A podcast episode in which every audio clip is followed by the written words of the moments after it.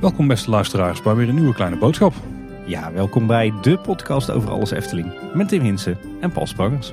En deze keer ook weer met Lex Lemmens. Lex, welkom terug in Kleine Boodschap. En jullie welkom hier te onze huizen. De vorige keer was het al een eh, lange zit, wel erg gezellig. En we hebben ook weer erg veel geleerd over uh, ja, een stukje Efteling-historie en vooral alles wat jij daarin hebt mogen betekenen. En daar gaan we vandaag eigenlijk gewoon uh, ja, direct mee door. Hè? Ja, dus heb je het eerste deel van het interview met Lex nog niet geluisterd, doe dat dan wel even. Want als je hier uh, inhaakt, dan val je precies midden in het verhaal. Want we gaan gewoon lekker verder waar we de vorige keer uh, gebleven waren.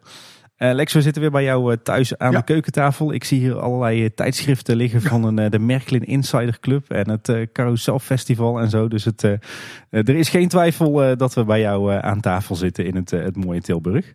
Hey, uh, laten we dan uh, gewoon even verder gaan waar we de vorige keer uh, gebleven waren. En volgens mij was dat bij 1986, bij de opening van de Fata Morgana. Ja, daar ben je denk ik ook deels technisch voor verantwoordelijk geweest, hè? Ja, ja, ja. En wat waren nou bij Fata Morgana de grootste technische uitdagingen voor, voor de Efteling? Nou, er, waren er, een, er waren er best een paar. De ontwikkeling van die, de, de doorontwikkeling van de nokkenschijven, die voor het eerst toegepast waren bij Sneeuwwitje. Toen ik binnenkwam bij de Efteling in 1975. En op, op die techniek zijn we dus de, de, laat maar zeggen, de robots, zoals die uh, met z'n 100, de 125 geloof ik, toegepast zijn in Fata Morgana, uh, zijn we die nokkenschijven daarop gaan verder ontwikkelen en doorontwikkelen. Dat is met name de verantwoordelijkheid geweest van Marie van Heumen, maar ook van Ton Merks. Die we speciaal daarvoor hadden aangenomen om die technieken in Fata Morgana, om die tekening te zetten, zodat we ze elders konden laten produceren. Want onze werkplaats had er natuurlijk geen capaciteit voor. Nee, het leuke is dat we uh, de toezegging hebben dat we Ton Merks ook nog een uh, keer gaan spreken als oh, kleine boodschap. Dus dan zullen we het uitgebreid over het nokkenschijfsysteem en de werking daarvan gaan hebben. En verder het ritssysteem bijvoorbeeld, of de grote draaischijf, die kennen jullie al van Gondoletta uiteraard. Maar zaten daar nog bepaalde zaken in, misschien met draaihoeken of, of krappe bochten? Nee, nee het, het, het, Kijk, we hadden natuurlijk te maken bij het transportsysteem in Fata Morgana met uh, boten met aanzienlijk grotere capaciteit als bij, uh, als bij de gondoletta. En daar moest natuurlijk de hele goot en de schijven en de draaibewegingen op worden in de, in de layout worden afgestemd. Maar dat is allemaal keurig. Ze kunnen net overal keurig doorheen. Daar waar ze tegen de kant zouden lopen, merk je wel bij sommige deuren dat daar wielen aan de wand gemonteerd zijn waar die boten dus tegenaan lopen. Want een boot die vol belast is, heeft een grotere uitzwenking. Ook weer aan de kabel verbonden met die moffen en die veerconstructie, voor en achter. Maar als een boot helemaal vol beladen is, dan zwenkt die veel verder uit dan wanneer die maar half vol of zelfs met twee of drie mensen gevuld is. Dus daar zat wel een uitdaging en die hebben we opgelost middels, laten we zeggen, wielen onder water die die boot dan keurig in zijn draai, in, zijn, in de goot houden. En niet tegen de deuren of tegen de kanten aan laten lopen. Daarover gesproken, wat ik me altijd heb afgevraagd, Lex, is uh, er zijn natuurlijk een aantal attracties in Efteling met uh, een staalkabel, hè, de gondoletta en de Fata Morgana. Is het nou ook zo dat zo'n staalkabel gedurende zijn levensduur uh, steeds meer uitrekt? ja, maar er zitten dus veren op die, laat maar zeggen, bij de, bij de Gondoletta zit er, en ik weet niet precies meer waar, maar daar zit dus een hele veerstelsel op. Die spanning op die kabel doet houden. En dat is ook bij uh, Fata Morgana het geval. Alleen daar is de lengte van de kabel natuurlijk een stuk korter. bij bij uh, de Gondoletta is hij ruim een kilometer en bij Fata Morgana is hij een stuk korter. Dus een van de wielen in de baan of in het traject, die eh, wordt dan een beetje aangetrokken waardoor die op spanning blijft. Ja, slim. Ja, ja. En Fata Morgana staat volgens mij qua, in ieder geval animatronics, dus qua robots, eh, bekend als een heel erg eh, stabiele attractie. Daar is weinig, eh, zijn er weinig problemen mee. Maar er zijn wel een paar onderdelen die wel wat storingsgevoeliger bleken te zijn. Ja, we zien bijvoorbeeld dat de kantelkamer al een tijdje stilstaat. Ik ben wel benieuwd, hoe, hoe werkt de techniek achter de kantelkamer? Ja, dat is een techniek die redelijk onder water zit. En er zit een grote zuiger onder water, hydraulisch aangedreven ding, wat dus die kantelkamer naar beneden trekt. En daar kan wel eens een storing aan optreden. Maar ik heb het buiten mijn eh, arbeidzame periode in de Efteling geweest. Want ik heb verder geen storingen aan de kantelkamer meegemaakt. Dat is van de laatste tijd dan. Hey, en wat ik eh, ook altijd fascinerend heb gevonden in de Fata Morgana... is het ontruimingssysteem met die luchtkussens. Hoe, hoe hebben jullie dat eigenlijk bedacht? Dat was een van de grote uitdagingen. Uh, die boten die zitten dus allemaal op een precieze afstand van elkaar, zodat telkens één boot in één scène zit. En we hebben een systeem waarbij de boten, wanneer er een alarm komt, naar een zekere positie worden getrokken. Daar stopt dan het systeem. Er zit onder water zit er een aantal brandweerslangen die bij elkaar gebonden zijn. En die vervolgens vol met lucht geblazen worden in hele korte tijd. Dat hele systeem blaast zich op. Je krijgt als het ware een soort loopplank. Waardoor je de boot uit kunt. En zo de scène waar je door kunt vluchten. Die duidelijk aangegeven staat. Met allerlei pijltjes en ontsnappingssignalen. En je bent dan binnen anderhalve minuut toch echt buiten. Mooi systeem. Ja, inderdaad. Een ander object wat heel groot is en wat het wel eh, een tijdje heeft gedaan, dat is natuurlijk de schatkamer waar de gin staat te schudden met de, aan de pilaren. Nou, die techniek die zit daar onder de vloer. En dat moet, je moest op een hele kleine ruimte heb je een hele grote, ook weer een hydraulische cilinder nodig. Die dus aan die palen trekt, hè, die, die scharnieren daar beneden. Dus het scharnierpunt zit net boven de vloer. En onder de vloer loopt uh, een bepaald gedeelte van die palen door. En daar zit een zuiger aan, die dus dat ding heen en weer schudt. En dan is het net of de, die gin eraan zit te trekken. En dat is helaas een effect dat al wel heel lang het niet meer doet. Ja, dat... Uh, heb ik gemerkt. Lastig te fixen? Ja, ik weet niet wat op dit moment. Misschien is het wel gerenoveerd. Het, uh, is er een nieuwe constructie aangegaan? Ik weet het niet. Hey Paul, ik denk dat we niet te veel gras voor de voeten weg moeten maaien van onze collega's en vrienden van de Vijf Zintuigen. Want later dit jaar komt natuurlijk de uitgebreide Vijf Zintuigen documentaire uit de making of Fata Morgana. dus laten we snel doorstappen naar de grote attractie van het jaar erop. de pagode. Um, volgens mij best wel een ingenieus attractietype. Uh, best wel storingsgevoelig geweest uh, lange tijd. De afgelopen jaren doet hij het weer erg stabiel. Maar nog steeds een heel zeldzaam attractietype eh, op deze wereld. Ja, er zijn er, mijn idee zijn er maar een stuk of elf gebouwd. Uh, all over the world. Staat er onder andere een in Garderland, geloof ik. En de eerste keer dat wij hem hebben gezien, dat is volgens mij was dat in Busch Gardens. Daar is er een toegepast. En uh, op basis daarvan, kijk, er is, twee dingen. Wij hebben een restrictie in het uh, hoog bouwen. Wij mogen 25 meter bouwen en dat op vier plekken in het park. Althans, dat was toen in mijn tijd zo. En wij willen toch heel graag een uitkijkpunt hebben, een uitzichttoren. Dus een, een, een, een, een toren die zeg maar vast geplaatst wordt met een bepaalde hoogte, zoals de Euromast in Rotterdam. Um, dat kan niet. Wij, waren, wij hadden het maximale aantal hoge plekken in het park al bereikt. Dus toen kwam Intamin met, uh, toen zagen wij in de folder van Intamin deze uh, tijdelijke, laat maar zeggen, uitkijktoren verschijnen. Waarbij je dus op een platform zit met een paar honderd mensen en dan word je naar boven getild. Je draait daar een rondje en gaat weer terug. Dat leek ons een ideaal geval om als uitzichttoren in de Efteling te kunnen uh, in, in te kunnen zetten. Hè. En dan kon de gemeente ook ons niet uh, op de vingers stikken van jongens, jullie mogen niet uh, hoger dan 25 meter bouwen. En dit ding is er maar twee of drie minuten, hooguit. Dus dat was een hele leuke escape. De leverancier van, van de pagode, van deze constructies, is ook weer Intamin. Die hebben dat, dat werd op twee plaatsen gebouwd. Eén deel, dat waren de zware arm met het contragewicht, is gebouwd door de firma Wagner Biro in Wenen, in Oostenrijk. En het platform zelf is gebouwd door Giovanola. Giovanola, daar had Intermin een groot aantal, uh, een groot uh, aandelenpakket van. Dus uh, die konden voor Intermin produceren. En Intermin was gedeeltelijk ook aandeelhouder. Ik kan me voorstellen dat het ook uh, ter plekke in Efteling best een flinke uh, klus was. Want uh, er zit een enorme betonnen put natuurlijk. ja, dat is gigantisch. Dat, dat, dat hele contragewicht dat moest natuurlijk in de grond zakken, letterlijk. En daar zit ook een, een, een as aan van zo'n 60 centimeter waar de hele ding op scharniert. Dat is een enorme constructie. Daarbij zit er ook, dus dat gat is een meter of, ik denk 15 diep, waar, waar die waar contragewicht in verdwijnt. 10, 15 meter zeker. Um, en dat contragewicht, dat weegt op zich al, ik geloof, 300, 350 ton, als ik me niet vergis. ja, het is, het is natuurlijk, uh, je hebt het, het, het zwaartepunt ligt uh, een meters van uh, het, het, het scharnierpunt af. Dus je krijgt dan die hefboomwerking. Dus je moet kracht maal arm inzetten, dat is de formule.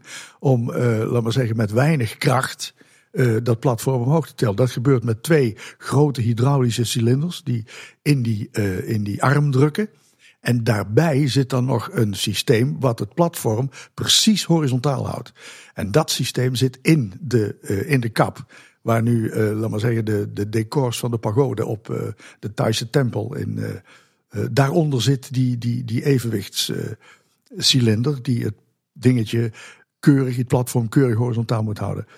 In geval van een noodstop, dan heb je dus te maken met een beetje vering van dat ding. En dan valt ook uh, die, sta die, stabilisatie uit. En dan gaat die, uh, dat platform een beetje schommelen. Dat is niet zo prettig. Dat, dat hebben we wel eens gezien in, in de jaren dat de pagode heel veel last had van storingen. Gelukkig hebben ze dat, volgens mij heeft Intermin dat zelf inmiddels hersteld, een paar jaar terug. Ja. Klopt. Uh, waar ik wel benieuwd naar was, als je kijkt naar andere flying islands die, uh, van Intamin, die zijn vaak uh, heel terughoudend gethematiseerd of zelfs helemaal niet. de pagode is natuurlijk behoorlijk Rijk heftig. gethematiseerd. Ja, nou, nog, niet eens, nog niet eens de uitbundigheid die Ton in zijn ontwerp had zitten. Maar dat heeft ook weer te maken met het gewicht wat erop moest komen en wat je dan nog een capaciteit aan mensen kunt toelaten. Dus het gewicht van dat ding werd mede bepaald door de hoeveelheid kunststof die het decor vormen. Want uh, ging dat zonder slag of stoter doorheen bij, uh, bij Intermin, al die decoratie op uh, het platform? nee, er is wel op bezuinigd in de zin van gewicht dan. Er is zeker op bezuinigd. Maar we hebben wel het maximale eruit kunnen, gaan, eruit kunnen halen aan decor zonder dat je aan capaciteit hoefde in te leveren. Was dat voor Ton wel bespreekbaar, het, eh, het, het inboeten op eh, kwaliteit met, van met esthetica? Ton is heel veel bespreekbaar en hij is altijd net zo inventief als de techneuten om dan een andere oplossing te vinden die net zo mooi is of zo niet nog fraaier of beter is. Ja. Wat waren dan een aantal van die dingen die Ton daarvoor nog in gedacht had die niet uitgevoerd konden worden?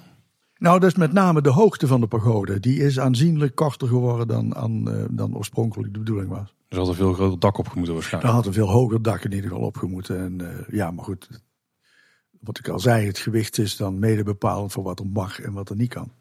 En de berekeningen van, van dingen. Want kijk, die arm is sterk genoeg. Je kunt dan, dan, dan krijg je weer een, een stuk zwaarder contragewicht. Dat is ook gebeurd. Om toch die in eerste instantie 100 mensen aan de ene kant en 100 aan de andere kant te kunnen toelaten. Later is dat, naar mijn idee, uit veiligheidsoverwegingen wat, wat naar beneden gebracht. En uh, ik weet niet, ik geloof 80 of 60 mensen aan, uh, aan iedere kant. We begonnen met 100 man. 100 man links, 100 man rechts. En we hadden daar twee, twee uh, laat maar zeggen, wachtrijen voor. De ene wachtrij was voor de mensen die linksaf gingen. En de andere voor de mensen die rechtsaf gingen. Er zaten twee poortjes. En er zat dus een hekje tussen. En je kon je dus links of rechts kon je, je melden voor het betreden van de attractie. De opening is, is, wel leuk om te vertellen, een leuke anekdote. De opening die uh, werd verricht door de commissaris van de koningin toen, Hoebe. En uh, de bedoeling was dat wij contact zouden maken met uh, het provinciehuis in Den Bosch. Dat is ook, ook al hoog. Ja. Pagode die torent dan zo'n 45 meter boven het oppervlak uit. En dan zou er vanaf, de, vanaf het provinciehuis met de lichtsignalen naar de pagode worden geseind en omgekeerd. Alleen, wat gebeurde? Bij de opening was er een zeer dichte mist. dus de pagode ging omhoog, want we, we, hebben de opening toch uh, gewoon door laten gaan. De pagode ging omhoog en op een gegeven moment zagen wij heel de commissaris niet meer. En de hele arm zat in de dichte mist. en uh, er schijnt contact te zijn geweest, want hij kwam waarschijnlijk net iets boven een wolkenlaagje uit. Maar zeker weten doe ik het niet. Maar in ieder geval, het was, hij verdween letterlijk in de mist. en er was nog wel een, nog een heikel punt. Wij hadden bij de opening voor het publiek een, een trapezewerkster ingezet. Die hing onder aan die pagode. En in het begin trad zij op met een lifeline. En toen het voor het echi ging, toen deze die lifeline af. En dat was natuurlijk een ongelooflijk risicovol gebeuren. Want stel je voor dat die pagode in een noodstop viel. En zij hing met haar hielen aan die trapeze. Dan zou ze echt naar beneden gevallen zijn. Zonder die lifeline. Dus we hebben haar verplicht om iedere keer, want ze deed heel elke keer, eh, een paar keer per dag, gingen ze die act opvoeren. Want dan bleef die pagode dus een tijdje langer boven. We hebben haar verplicht om die lifeline aan te doen, zodat er absoluut geen ongelukken kunnen gebeuren. Dat willen we natuurlijk niet op ons geweten hebben. Ja. Hebben, hebben jullie eigenlijk in de, de ontwerp- of de bouwfase erover nagedacht uh, van wat te doen als de pagode stilvalt met, uh, met storing? Uh, hoe krijg je hem dan beneden? Ja, er zit een, een, een noodaggregaatje zit erbij bij de techniek, waardoor als die stil zou vallen, dat je hem dus met de hand naar beneden kunt krijgen, met als middels dat noodaggregaatje. Oh, voor onze luisteraars, als je meer wil weten over de werking van de pagode, dan is de video van Theme Park Science over de pagode absoluut een aanrader. Absoluut, ja. Hey Lex, dan kan een beetje in uh, eind jaren 80 en uh, de vorige keer in deel 1 van ons interview met jou hebben we uh, het er daar al uitgebreid over gehad. dat was een roerige tijd voor jou. Als ik het moet samenvatten voor onze luisteraars, dan is het volgens mij zo dat jij eind jaren 80 door Ruud de Klerk werd gevraagd om hoofdpark te worden. Zodat uh, het, het, toenmalige hoofdpark uh, er een beetje uitgewerkt kon worden. je hebt het een, uh, een korte tijd gedaan. alleen vervolgens kwam Paul Beck, die nam Antoine van Dalen mee. die, die maakte jouw functie eigenlijk overbodig. En Paul Beck die ging toen op zoek naar een, een andere functie voor jou. En volgens mij heeft toen Erik van der Brand jou uiteindelijk overgenomen in zijn afdelingen. Ja, het is, het is eigenlijk zo gegaan. Um, in 1986 is de functie van algemeen directeur is ingenomen door Ruud de Klerk. Ruud de Klerk werd de opvolger van de bekende Herman ten Bruggaten. Ruud de Klerk die begint en uh, toen was er ook nog zijn rechterhand adjunct-directeur Mark Taminio. En in 1988, begin 88, zegt, toen is Mark Taminio weggegaan. Op het moment dat Mark wegging, toen zei Wil Faber tegen Ruud de Klerk... Zo, Ruud, ik wil die functie van Mark hebben. En anders ga ik weg. En toen zei Ruud de Klerk, en wanneer ga jij dan weg? Want ik heb voor jou al een ander. Toen heeft hij me s'avonds opgebeld en gezegd, uh, jij moet hoofdpark worden en je hebt 24 uur bedenktijd. En dat was een beetje begin, net voor het seizoen uh, 88, 1988. Na lang aarzelen, want het is natuurlijk toch een totaal andere functie dan uh, die ik bekleedde, of chef technische dienst hoofdpark dat is iets anders. Ik zou dat, dat zou ook betekenen dat ik dan toch een stukje projecten moest loslaten. Ik mocht me wel met de projecten bemoeien, natuurlijk. Ik bepaalde wat er in het park mede moest komen. Maar de technische begeleiding daarvan, dat moest ik overlaten aan de technische diensten, de bouwkundige diensten. Ik mocht wel zeggen waar het moest komen. Ik mocht ook zeggen hoe het er moest komen, welke routes er moesten worden gevolgd, exploitatietechnisch. Maar uiteindelijk de dingen die uh, het project betreffen, dus maar zeggen belichting, uh, geluid, dat moet je dan overlaten aan de TD. En maar, dan moet je afwachten wat, je dan, wat er dan op je afkomt. Goed, om lang van kort te maken. Ik neem uh, na enig aarzelen en testen, waarbij het toch gezegd moet zijn dat het voor beide, voor zowel mij als voor de Efteling, best wel een risico was om mij als hoofdpark, komende uit die technische dienst, op die post te zetten. Maar anderzijds, het was ook weer een uitdaging, omdat je daarmee toch in, in de rangorders binnen de Efteling een wat stevige positie ging innemen. Dus ik ben vlak voordat het park in 1988 openging, heb ik de technische dienst vaarwel gezegd en ben ik begonnen in de parkexploitatie als hoofdpark. En dat was dus mijn eerste seizoen. Wat gebeurt er in die, in die periode? In die periode is uh, er wat oneenigheid met Ruud de Klerk en het bestuur. Waarin het bestuur uh, min of meer de Klerk heeft uh, ontslagen. Zijn ontslag aangezegd. Er lagen nog wat andere dingen aan ten grondslag. Er was ook wat, wat uh, oneenigheid binnen de staf. het was min of meer, laat maar zeggen, een motie van wantrouwen. Waarvan we de laatste periode hier in Nederland ook wel vaker wat gehoord hebben. ja. En die motie van wantrouwen was er, is er dus aanleiding voor dat Ruud de Klerk dus op een gegeven moment opstapt. Uh, dus dus uh, Herman ten Bruggekater neemt als interim directeur de functie van Ruud de Klerk over. En uh, hij uh, verbaasde zich erover dat ik op die stoel zat. Dat was voor hem een grote verrassing. Van de andere kant waren natuurlijk ook een aantal dingen in die periode gebeurd. Ik moest bijvoorbeeld voor een sluitende begroting moest ik drie ton bezuinigen, guldens toen destijds. En toen heb ik de stoute schoenen aangetrokken om het zwembad te sluiten. Als je dus zegt, wat zijn nou wapenfeiten in die periode dat jij hoofdpark was, dan kun je er eigenlijk drie noemen. Dat is één, de sluiting van het zwembad. Twee, het introduceren van de twee dagen kaart. Dat was ook nieuw. En drie, hoge kortingen voor de scholen om het scholenbezoek te stimuleren. Nou, dat was ook een ongelooflijk succes. In 1990 was uh, de opening van het Volk van Laaf gepland. Die ontwikkeling gebeurde dus ook in de periode dat ik uh, als hoofdpark er zat. Ik bemoeide me niet met, met de technieken die daarin kwamen en met de ontwerpen. Daar had ik natuurlijk wel met Ton overleg over. En uh, ik zat ook in de stuurgroep van, van uh, het Volk van Laaf. Funny Village heette dat toen, en was de werktitel. Was dat niet enorm lastig voor jou, Lex, nu, nu wij jou een beetje kennen, om je daar niet te veel mee te mogen bemoeien? Heel erg, was best lastig. Maar er was ook een heel ander leuk ding aan. Um, voor het feit dat die, het, het, het, speeltuin moest vernieuwd worden. Voor het feit dat die speeltuin vernieuwd werd. Want er zitten een aantal speelelementen zitten in het volk van Laaf verweven. Zoals wippen, glijbanen uh, en, en meer van dit soort grappen. Hè, waarbij je door het water kunt lopen en zo, die keien die erin liggen. Maar om, dat, om, dat, uh, om die, uh, dat volk van Laaf en de Villes te kunnen realiseren, moesten er een aantal molens worden verplaatst. Draaimolens die daar dan in de weg stonden. Mijn idee was, en dat was een oud plan, om uh, een uh, plein 1900 te ontwikkelen. En wel op de Sint-Nicolaasplaats. Dus daar waar nu de ingang ligt van Droomvlucht en waar ook uh, nu de kantoren staan en waar Villa Volta staat. Daar op dat hele terrein zou een geweldige nostalgische kermis kunnen komen onder de naam Plein 1900. Dat was de werktitel. Daarvoor moesten dus uh, een heleboel nieuwe antieke attracties worden aangekocht. Daar was ik dus druk mee bezig. Dus dat was voor mij weer een hele aardige invulling uh, uh, om te komen tot die, die ontwikkeling van Plein 1900. Dat was een alternatief. Maar dat, dat was eigenlijk het plan wat ooit bedacht was, nog mede door Anton Pieck voor de speelweide. Op de spe ja, zeker. Je bedoelt op het aanveld. Ja. Um, daar heeft Anton Pieck, daar is destijds ook een houten achtbaan voor aangekocht. Daar zou een soort uh, spookslotattractie uh, moeten komen in een hoek. En daarvoor wat andere attract attractieve elementen.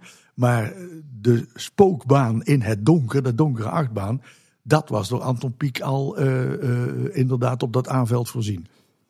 Tuurlijk, die, die, de stoomcarousel, dat is een, een object wat op zich staat. Maar die zou natuurlijk naadloos hebben aangesloten bij zo'n plein 1900. Maar goed, wij hadden dus het plein 1900 voorzien op uh, de Sint-Nicolaasplaats. En dat is uh, door Henny Knoet is daar nog een heel artist impression, een ontwerp voor gemaakt.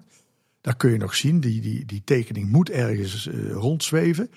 Dan zie je ook dat daar het station van ingang West ligt, zal ik maar zeggen. En uh, je ziet al een bouwkundige invulling van uh, attractieve en attractionele elementen daaromheen. Wat later is weer geworden het vernieuwde Anton Pieckplein. Want uiteindelijk ging dat hele plein 1900 ging natuurlijk niet door. Om wat voor duistere reden ook. Maar in ieder geval, er waren wat elementen die dat tegenwerkten.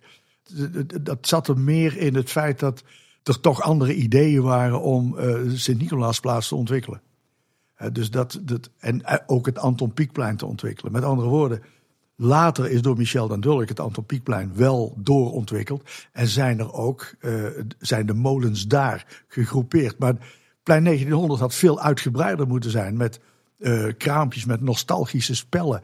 Een gebakkraam erbij. Een poffertjeskraam was daar voorzien. Een, een, Turkse schop, een reuzenrad. Hè, in, in, de, in de meest elementaire vorm. Want een, een Turkse schop is eigenlijk heeft maar vier gondels. Of vijf.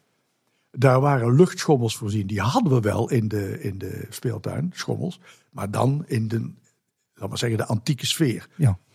En, enzovoort en zo meer. Dus het was echt een hele mooie grote ontwikkeling.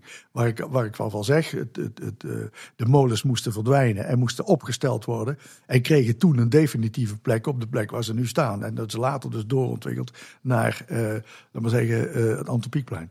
Je vertelde net dat je bezig was met de aankoop van een aantal van die molens. Of in ieder geval van materiaal wat daar zou moeten komen staan. Ja, ja ik ben me zeer gaan oriënteren op, uh, op antieke attracties. Maar op een gegeven moment, als ze geen plek kunnen krijgen, dan kun je, dan kun je ook uh, oog hebben voor een aantal en, gevonden en een aantal antieke attracties gevonden hebben. Als je ze niet kunt aankopen en ze niet kwijt kunt, ja, dan houdt alles op. Dus toen in die tijd niks aangekocht wat dan tijdelijk ergens een plek heeft gevonden? Uh, nee, we hadden een uh, sterker. Er zijn er een aantal dingen buiten werking gesteld en nooit meer teruggekomen. Uh, de jeepmolen die is nooit meer teruggekomen. En de fietsenmolen is nooit meer teruggekomen. Dat zijn, uh, dat zijn toch dingen die. Uh, fietsenmolen was, dat snap ik wel. Om die door de tuf te krijgen is een heel erg lastig ding. Maar ik weet dan dat in uh, Le Pavillon de Bercy in Parijs, dat is een, een, een verzamelaar van antieke kermisattracties, daar staat een werkende fietsenmolen. Echt compleet. Onze fietsenmolen was uitgerust met autootjes. Van die kleine uh, trapautootjes, zal ik maar zeggen. Die, zijn, die hebben we nooit gebruikt en opgesteld. De fietsenmolen heeft overigens wel gedraaid in de Efteling. Had daar ook een orgel bij, het Welleshouse-orgel, wat nu in de, uh, volgens mij staat het nog steeds in de VIP-room, uh, boven in het restaurant. Ja, in de bodega. In de bodega, daar staat het. Het heeft nooit meer gespeeld, naar mijn idee, maar het was echt een Welleshouse-orgel is een orgel wat ontzettend veel kabaal maakt. En dat overstemde alle andere muzikale orgels of muzikale elementen daar. En dus dat orgel heeft daar niet lang gestaan. Maar dit stond oorspronkelijk in de fietsenmolen. Dan spreken we eind jaren tachtig. Jij was toen nog steeds uh, dus zeg maar hoofdverantwoordelijke voor de exploitatie van het park. Ja, in de functie van hoofdpark hebben we toen wat, wat dingen in ontwikkeling gezet. Samen met Ton en de Bruggekaart. Dus een, een dark ride die ontwikkeld ging worden door Imagination. En dat, die droeg de werktitel Quest, die hadden zij hem gegeven. Die, um, die was gebaseerd op uh, gondeltjes die konden zweven. Die aan een constructie hingen die omhoog en omlaag kon. Zodat je. Uh, er is een, een, een, een attractie in, in Universal Studios geweest. En die heet King Kong. En King Kong, dat waren grote bussen, als het ware metrogondels die aan zo'n uh, zo'n zo'n constructie hingen. Een schaarconstructie die omhoog en omlaag kon. Versneld en vertraagd en kon schudden en ding. Dat hadden wij voorzien in kleine uitvoering in Quest. Althans, Imagination had dat bedacht. En die waren al in gesprek met Vekoma om dat door hun te laten ontwikkelen. Was dat niet raar dat jullie de, de ontwikkeling van een dark ride volledig buiten de deur zetten? Want nou, voorheen gebeurde dat toch vooral in de Efteling-organisatie zelf. Dat klopt, maar dat heeft ook te maken met een stukje capaciteit. En dat heeft ook te maken dat uh, Ton had natuurlijk zijn handen vol op dat moment aan het ontwikkelen van, doorontwikkelen en begeleiden van het volk van Laaf. Uh, dan komt er een moment uh, dat Paul Beck aan het, het roer komt. Ja, in de periode van, van de waarnemend directeurschap van Herman de Bruggekaarten hebben natuurlijk de, uh, de headhunters niet stilgezeten om te kijken of er een waardige algemeen directeur uh, kon komen al op de stoel van Ruud Klerk. En wij waren bij een presentatie van, uh, van Imagination in Londen, Ton en Herman de Bruggekaarten en ik. En daar was ook bij een zekere de toenmalige man die de promotie van de Efteling deed, Stefan Schoor. En ten Bruggekaart, we zitten s ochtends aan het ontbijt, ergens begin februari. We zitten aan het ontbijt in Londen en uh, ten Bruggekaart die krijgt een telefoontje. En die wordt van het ontbijt weggeroepen, die komt terug en die zegt... Nou jongens, zet de stormhoed maar op, jullie hebben een nieuwe directeur. En wij moesten dus, uh, wij waren dus uiteraard razend benieuwd wie het uh, was. En toen werd de naam bekendgemaakt van Paul Beck. De komst van Paul Beck betekende uiteindelijk ook dat jij uh, uh, die functie van hoofdpark weer moest verlaten. Nou, in het begin, in het begin was het zo dat er zaten dus twee mensen in die exploitatiesfeer. Dat was Henk Muller-Kobold, die zat als hoofd horeca en ik zat als hoofdpark. Wij tweeën, wij deden dus die hele exploitatie. Hè. De ene kant de horeca, ik de, de exploitatie van de attracties.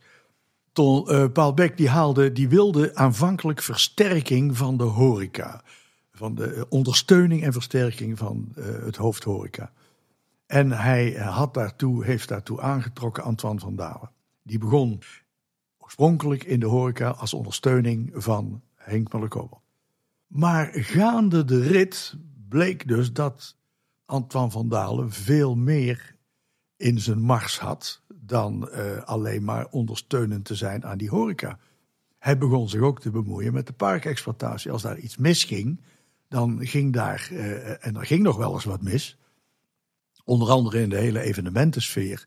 Uh, kreeg ik op een gegeven moment wat, wat uh, met de toenmalige leider van dat, van dat clubje, kreeg ik onenigheid. En dat vertelde ik tegen Antoine. Oh, zei Antoine, dat los ik op. Ik neem dat van je over. Dus toen was ik dat hele fijne stukje evenementen was ik kwijt. Hè, waar ik ook een, een, een leuk ei in kwijt kon.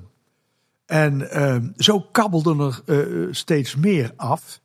En op een gegeven moment zit ik uh, bij Paul in de auto. Dat was ergens begin, begin jaren negentig. Ehm, En hij zegt tegen mij, ehm, toen waren we al een, een, een tijdje bezig met en dat was al onder Ruud de Klerk ingezet om te kijken of we de Efteling know-how en producten niet konden vermarkten, niet konden verkopen.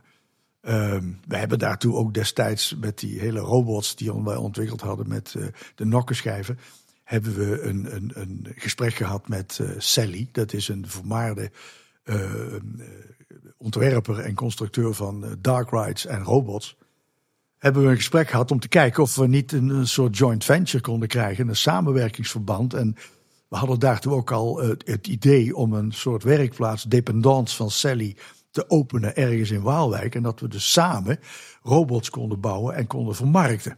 Waaronder dus ook onze nokkenschijven. Dat is allemaal niet doorgegaan. Maar goed, Paul die zit, ik zit bij Paul in de auto zegt, hier zei hij, uh, groot, grote brief onder mijn neus.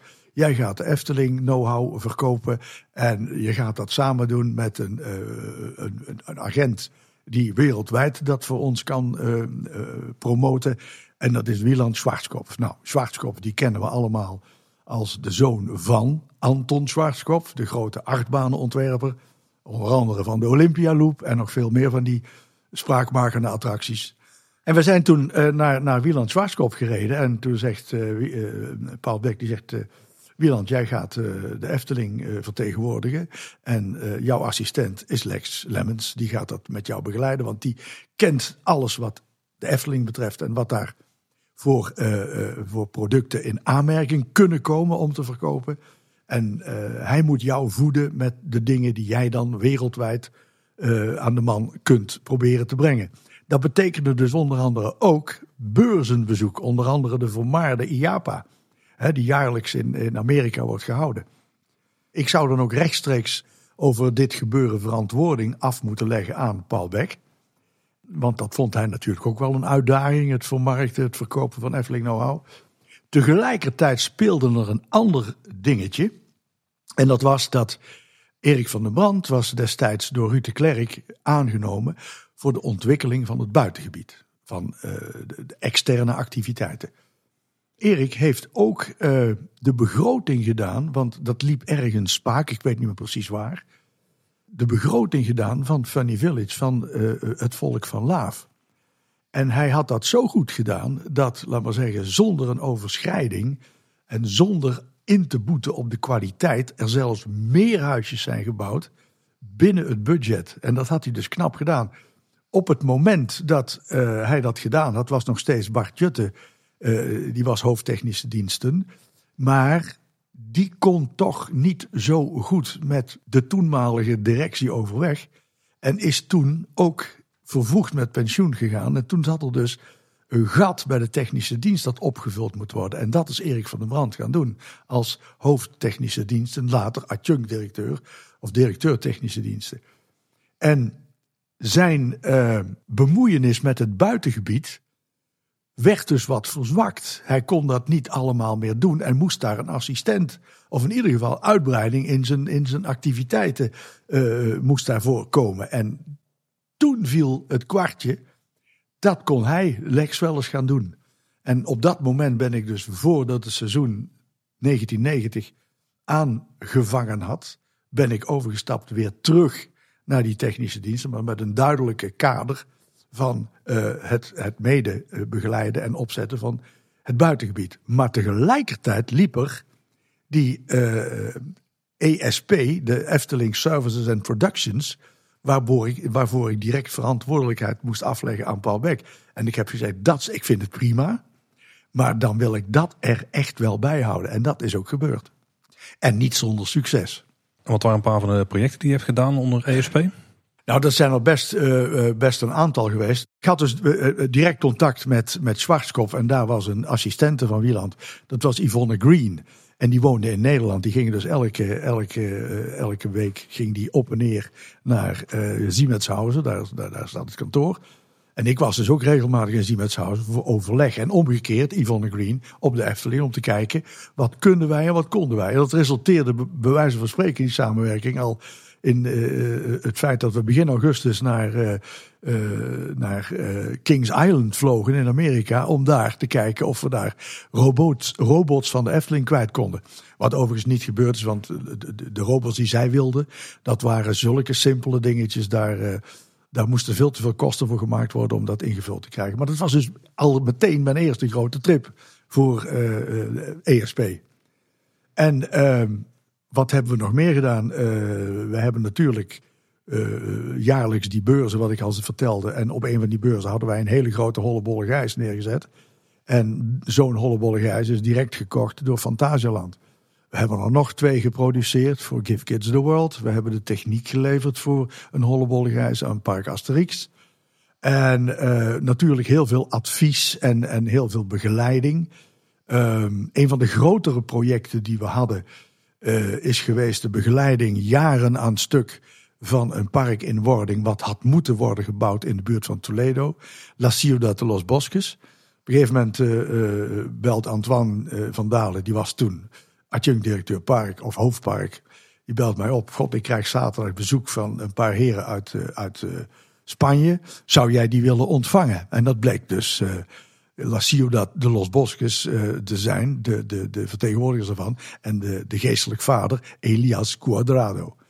Enfin, met hem heb ik dus jaren contact gehad, vele malen op en neer, weer dat reizen hè.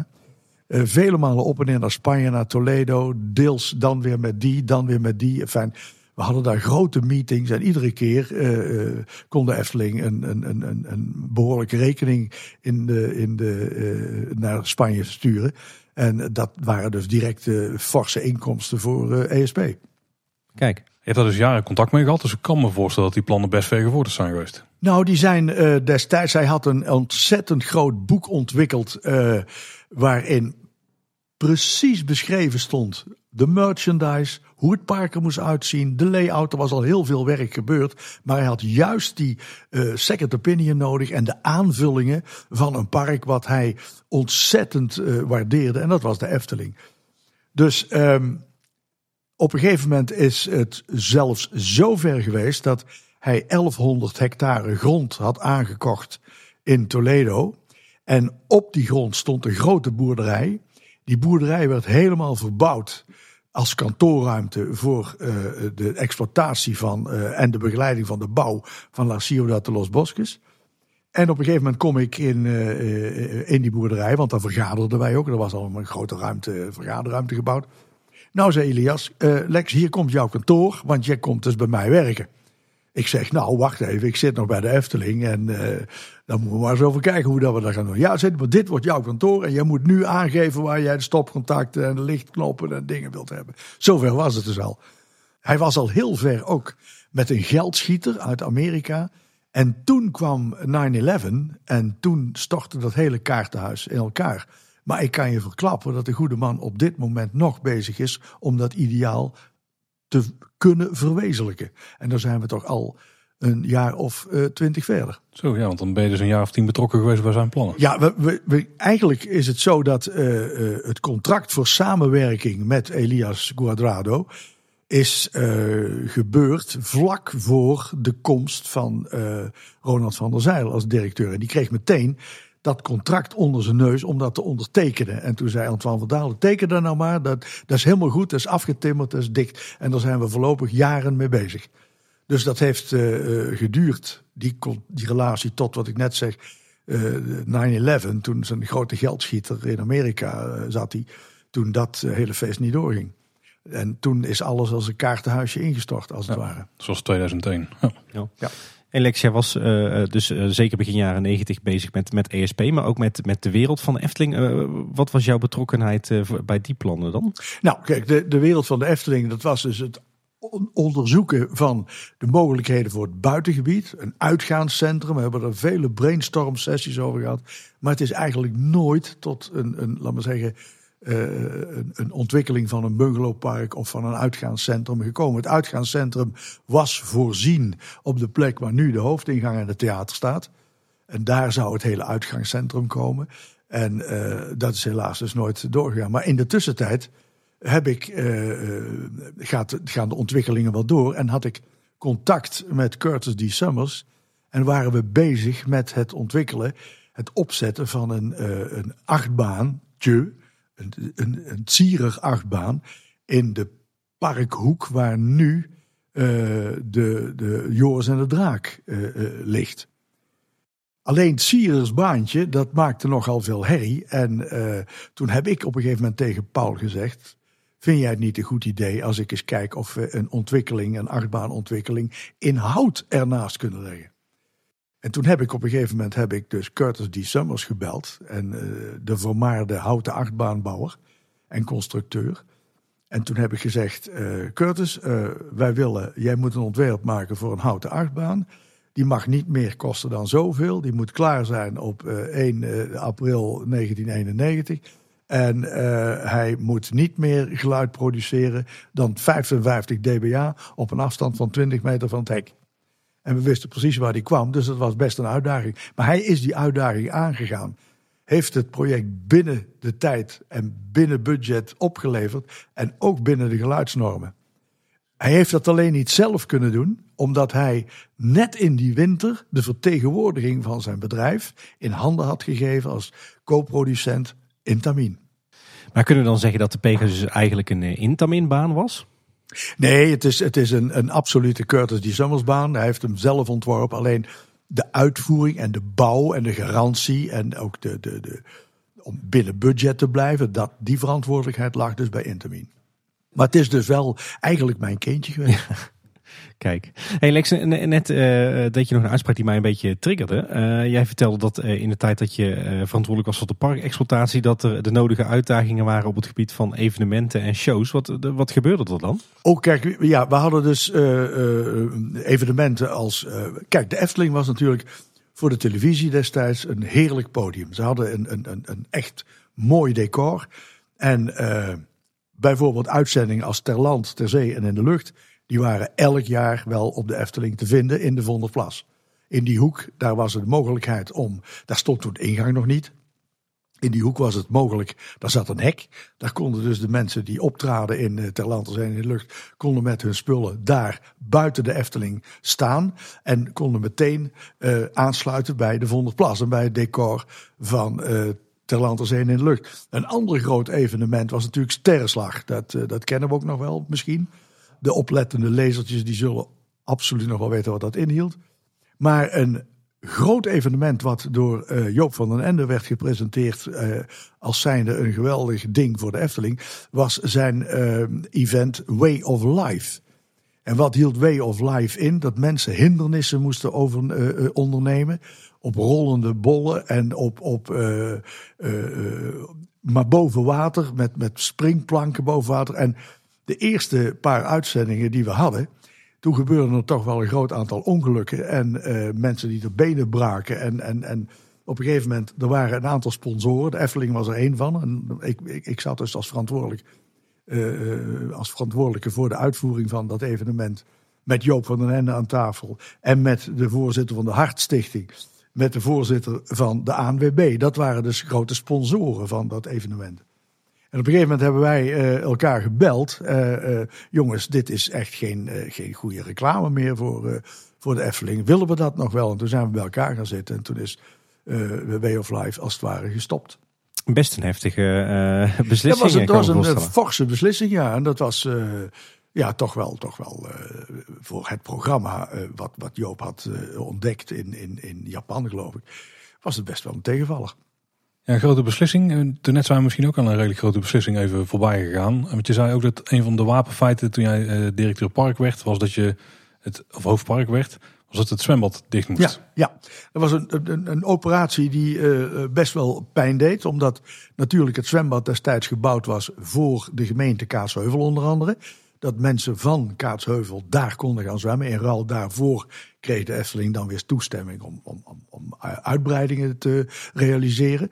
Uh, maar het zwembad sluiten betekende natuurlijk een, een, een financiële meevaller, als je dat zo mag zeggen. Uh, die zowel uh, in, in kosten van onderhoud als bemanning heel veel geld opleverde. En toen kon ik op dat moment mijn begroting voor dat jaar weer sluitend krijgen. Ja, dus het feit dat het, het zwembad sloot, want dat is nooit echt helemaal duidelijk geworden wat er nou de reden van was. Maar dat was dus vooral budgetair. Absoluut. budgettaire reden. En eigenlijk uh, werd het ook, behalve door de gemeente en misschien wat mensen die juist een abonnement hadden op de Efteling, omdat ze daar konden zwemmen. Wij hebben er eigenlijk nooit echt heel veel klachten over gehad. Bovendien bood de lege kuip van het zwembad onmiddellijk de mogelijkheid om daar een openluchttheater te bouwen. Toen wij uh, in aanraking kwamen met een club die nog steeds volgens mij bestaat, de club Up With People. Jongeren van over de hele wereld die in gastgezinnen worden ondergebracht. En die allemaal wel een kunstje kunnen en kennen. Zowel op zang als dans als eh, acrobatiek, weet ik veel. Enfin, mensen uit, uit, allerlei landen die dan daar hun optreden verzorgen. Daar werd natuurlijk wel voor gerepeteerd. Maar dat, dat hebben wij toen in de, in de zwembadbak. Hebben we, dat, uh, uh, hebben we daar een podium gebouwd en we hebben banken neergezet. En toen had die bak ineens een functie. Kijk, zo is uh, een van mijn uh, allereerste uh, jeugdherinneringen aan de Efteling. Dat ik met mijn opa naar de Up With People show ging, ging kijken. Waren alle aardigste shows overigens hoor. Echt. En die jongelui die deden dat allemaal redelijk belangeloos. We, we hadden alleen de kosten van de, van de exploitaties, belichting en zo, dat soort dingen. Dat moest allemaal daarvoor in gang worden gezet. Maar het, het leverde echt op. Als we kijken naar de jaren voorafgaand aan de sluiting van het zwembad, toen zijn er al veel meer sportelementen uit het park verdwenen. Ik denk als je nu naar de Efteling kijkt en je zou je voorstellen dat daar een, zwembad in zou zitten, waar mensen dus overdag gewoon gaan zwemmen. Dus die, die doen een rondje door het park, die hebben acht banen gedaan, die moeten zich daar dan omkleden, gaan zwemmen, daarna afdrogen, weer aankleden. Ik denk dat in deze tijd van de Efteling ook niet meer zou passen, zoiets. Was het ook een beetje vooruitziende blik Nee, dat, dat, dat denk ik ook niet. Maar uh, wat we net gezegd hebben, vastgesteld hebben, de, de sluiting van dat zwembad was toen echt puur voor mij een financiële reden om mijn, mijn begroting rond te krijgen.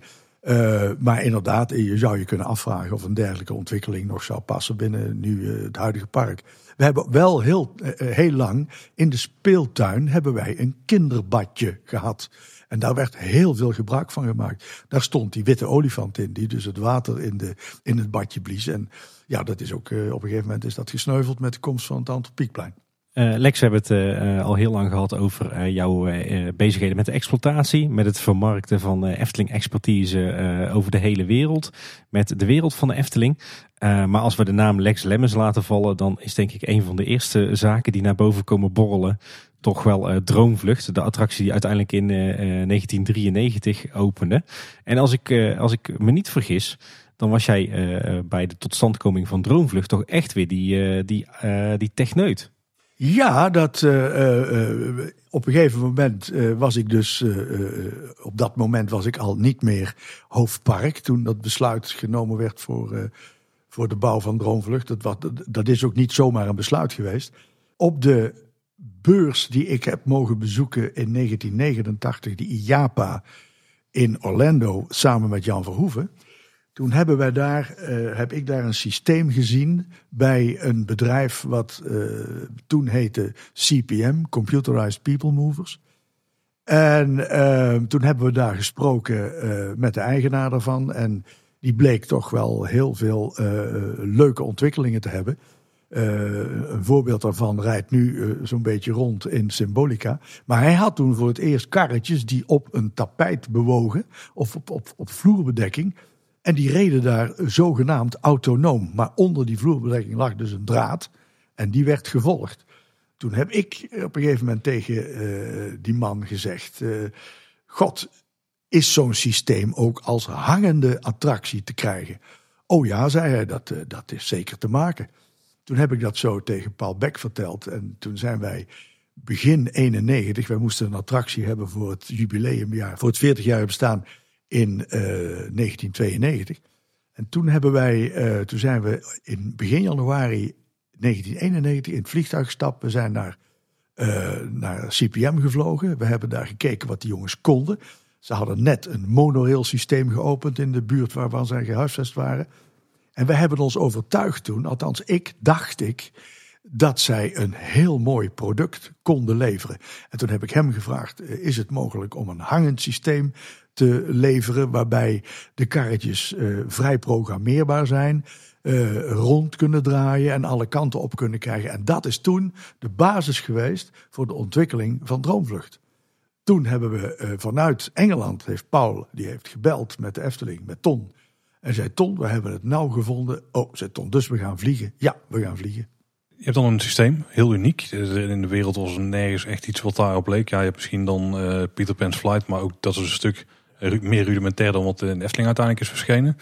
Uh, wat ik heel tof vind aan Droomvlucht en wat voor heel veel mensen die voor de eerste keer in gaan echt een verrassing is, is dat je op een paar punten word je wat hoger gebracht in het gebouw om uiteindelijk aan het einde in het sompwaard helemaal naar beneden te, te cirkelen. Was dan ook een idee wat er al vrij vroeg was? nou, dat was, het, was een idee wat Ton meteen had. Hij zei, als we gaan vliegen, dan wil ik toch een thrill-element aan het eind van die baan hebben. En dan wil ik met een hogere snelheid, een fors hogere snelheid, naar beneden cirkelen uh, in wat dan nu heet het sompenwoud. Want even voor mijn beeld, we kennen allemaal die vijf prachtige aquarellen van Ton. Uh, waarmee dat hij uiteindelijk ook volgens mij de Raad van Commissarissen en de stichting heeft overtuigd om de attractie te bouwen. Maar eerst was er dus het transportsysteem, toen het idee we gaan vliegen en daarna kwamen dus pas die aquarellen van Ton. Ja, gebaseerd op het feit van we gaan vliegen, want we, wat, we wilden altijd wel een zwevend, een hangend systeem hebben. Op toen zijn al die ontwikkelingen en die ontwerpen ontstaan. Ja, ja dat is meer een, wat algemenere vraag. Want uh, zo in de jaren 80 uh, eh, en 90 uh, eh, is altijd wel interessant. waar komt dan het, het allereerste idee van een attractie vandaan? Is dat, komt dat met name vanuit het attractietype? We willen zo'n soort attractietype. Of komt dat vanuit het, een thema of vanuit een verhaal? waar komt dan telkens dat, dat besluit vandaan van we gaan nu die attractie bouwen? Dat is toch een, een, een, een, een brainstorm gebeuren. Je zit eh, bij elkaar, je zit te praten, te denken. Wat gaan we doen voor, uh, voor het jubileumjaar 1992? Op een gegeven moment dan, dan, dan kom je in aanraking met zo'n transportsysteem. Dan zeg je, wat, wat kunnen we daarmee? Dan ga je daar weer mee over sparren met elkaar. En op een gegeven moment komt er een idee van, oh, dan gaan we dat doen. En dan is Ton, die de creatieve geest, is los. En uh, dan ontwerpt hij de meest wonderlijke prenten die op zich geen verhaal zijn, maar die wel een, een hele wonderlijke en, en, en droomwereld scheppen en laten zien.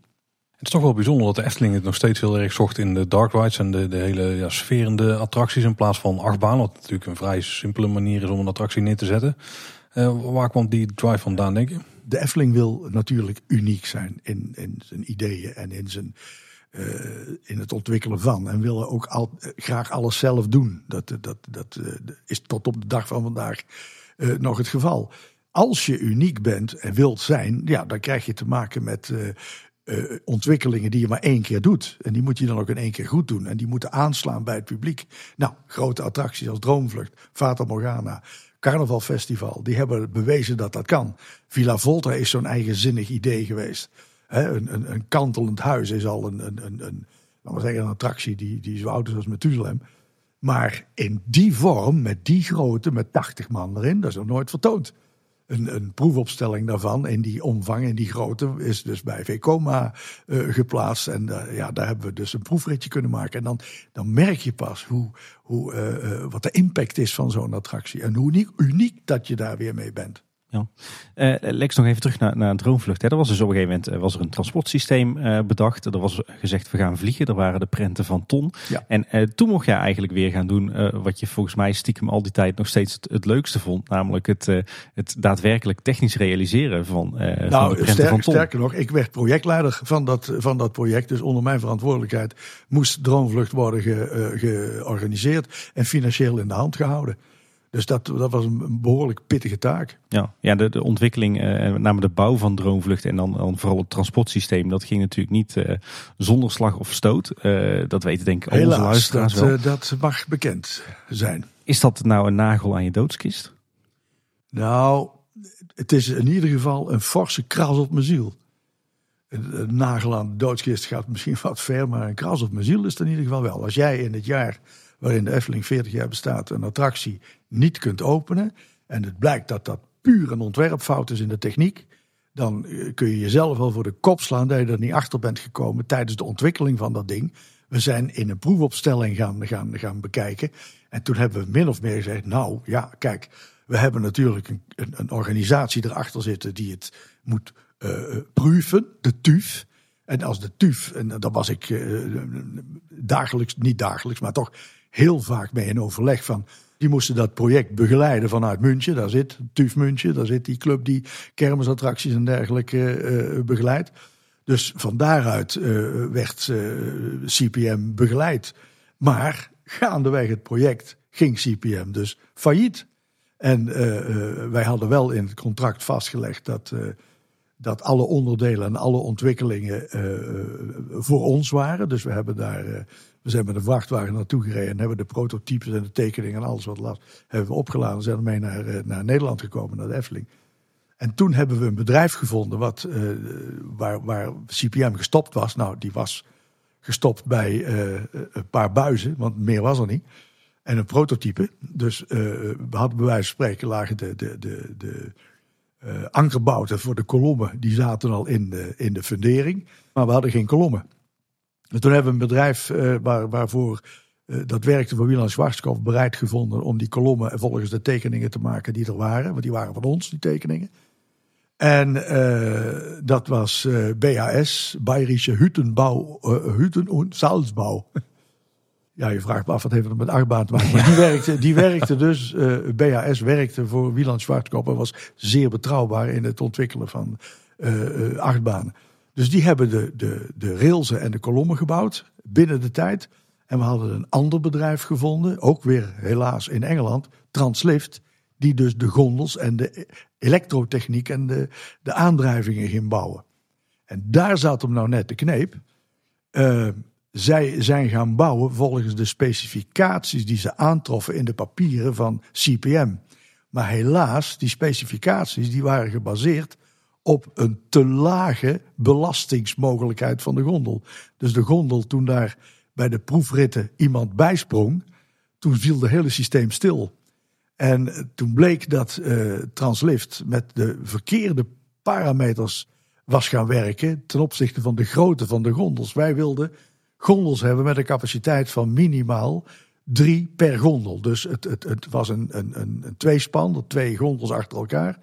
Wij wilden daar drie mensen in hebben. Maar als je daar drie mensen in wil hebben en je gaat die gondels vergroten, dan weet je dat je ook meer motorvermogen nodig zult hebben om die boel tegen de hellingen op te trekken. En daar zat nou de fout. Translift is gaan bouwen met de parameters die ze kregen. En toen waren de motoren en alles was te licht.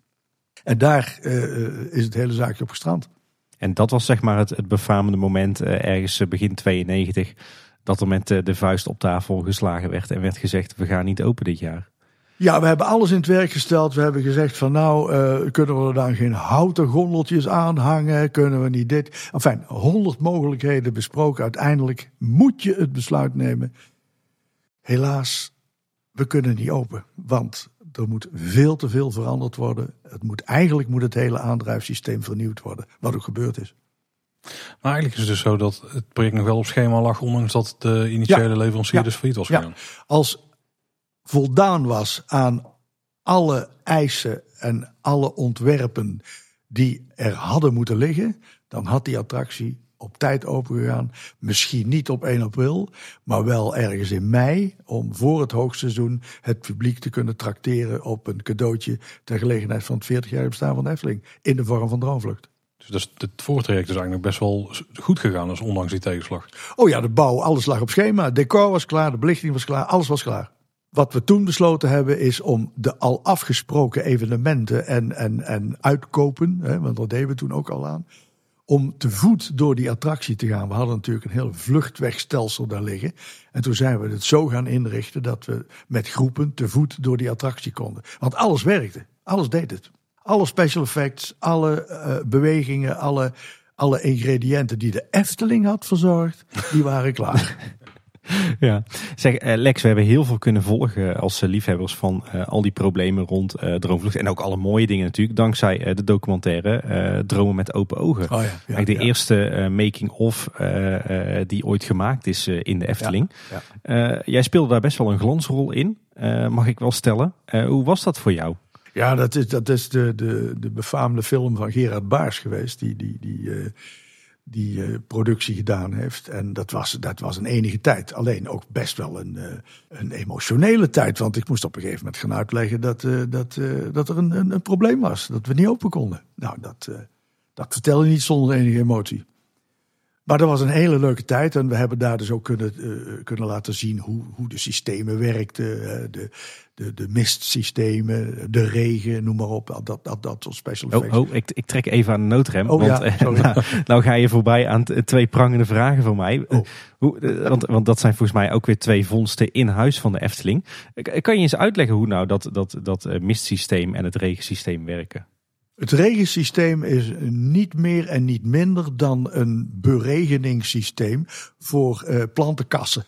Dus je hebt dan een buis met gaatjes erin, daar zet je druk op, waterdruk op en het gaat druppelen.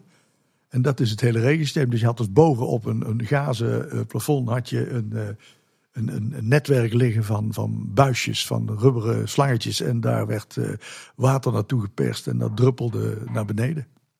In een malse regenbui. Ah, kijk, die prachtige uitspraak, die, uh, dat zijn uh, gevleugelde woorden geworden. En het missysteem? Het missysteem is een systeem wat wij ontdekten bij een Amerikaans bedrijf. Ik was toevallig in, in Los Angeles en daar stootte ik op een mistsysteem wat werd geproduceerd door het bedrijf Me Fog Systems. En dat bestond uit het vernevelen, het met grote kracht blazen van een waterstraaltje op een hard voorwerp, op een harde ondergrond. En daardoor uh, spat dat waterstraaltje als het ware in hele kleine druppeltjes uit elkaar en krijg je mist.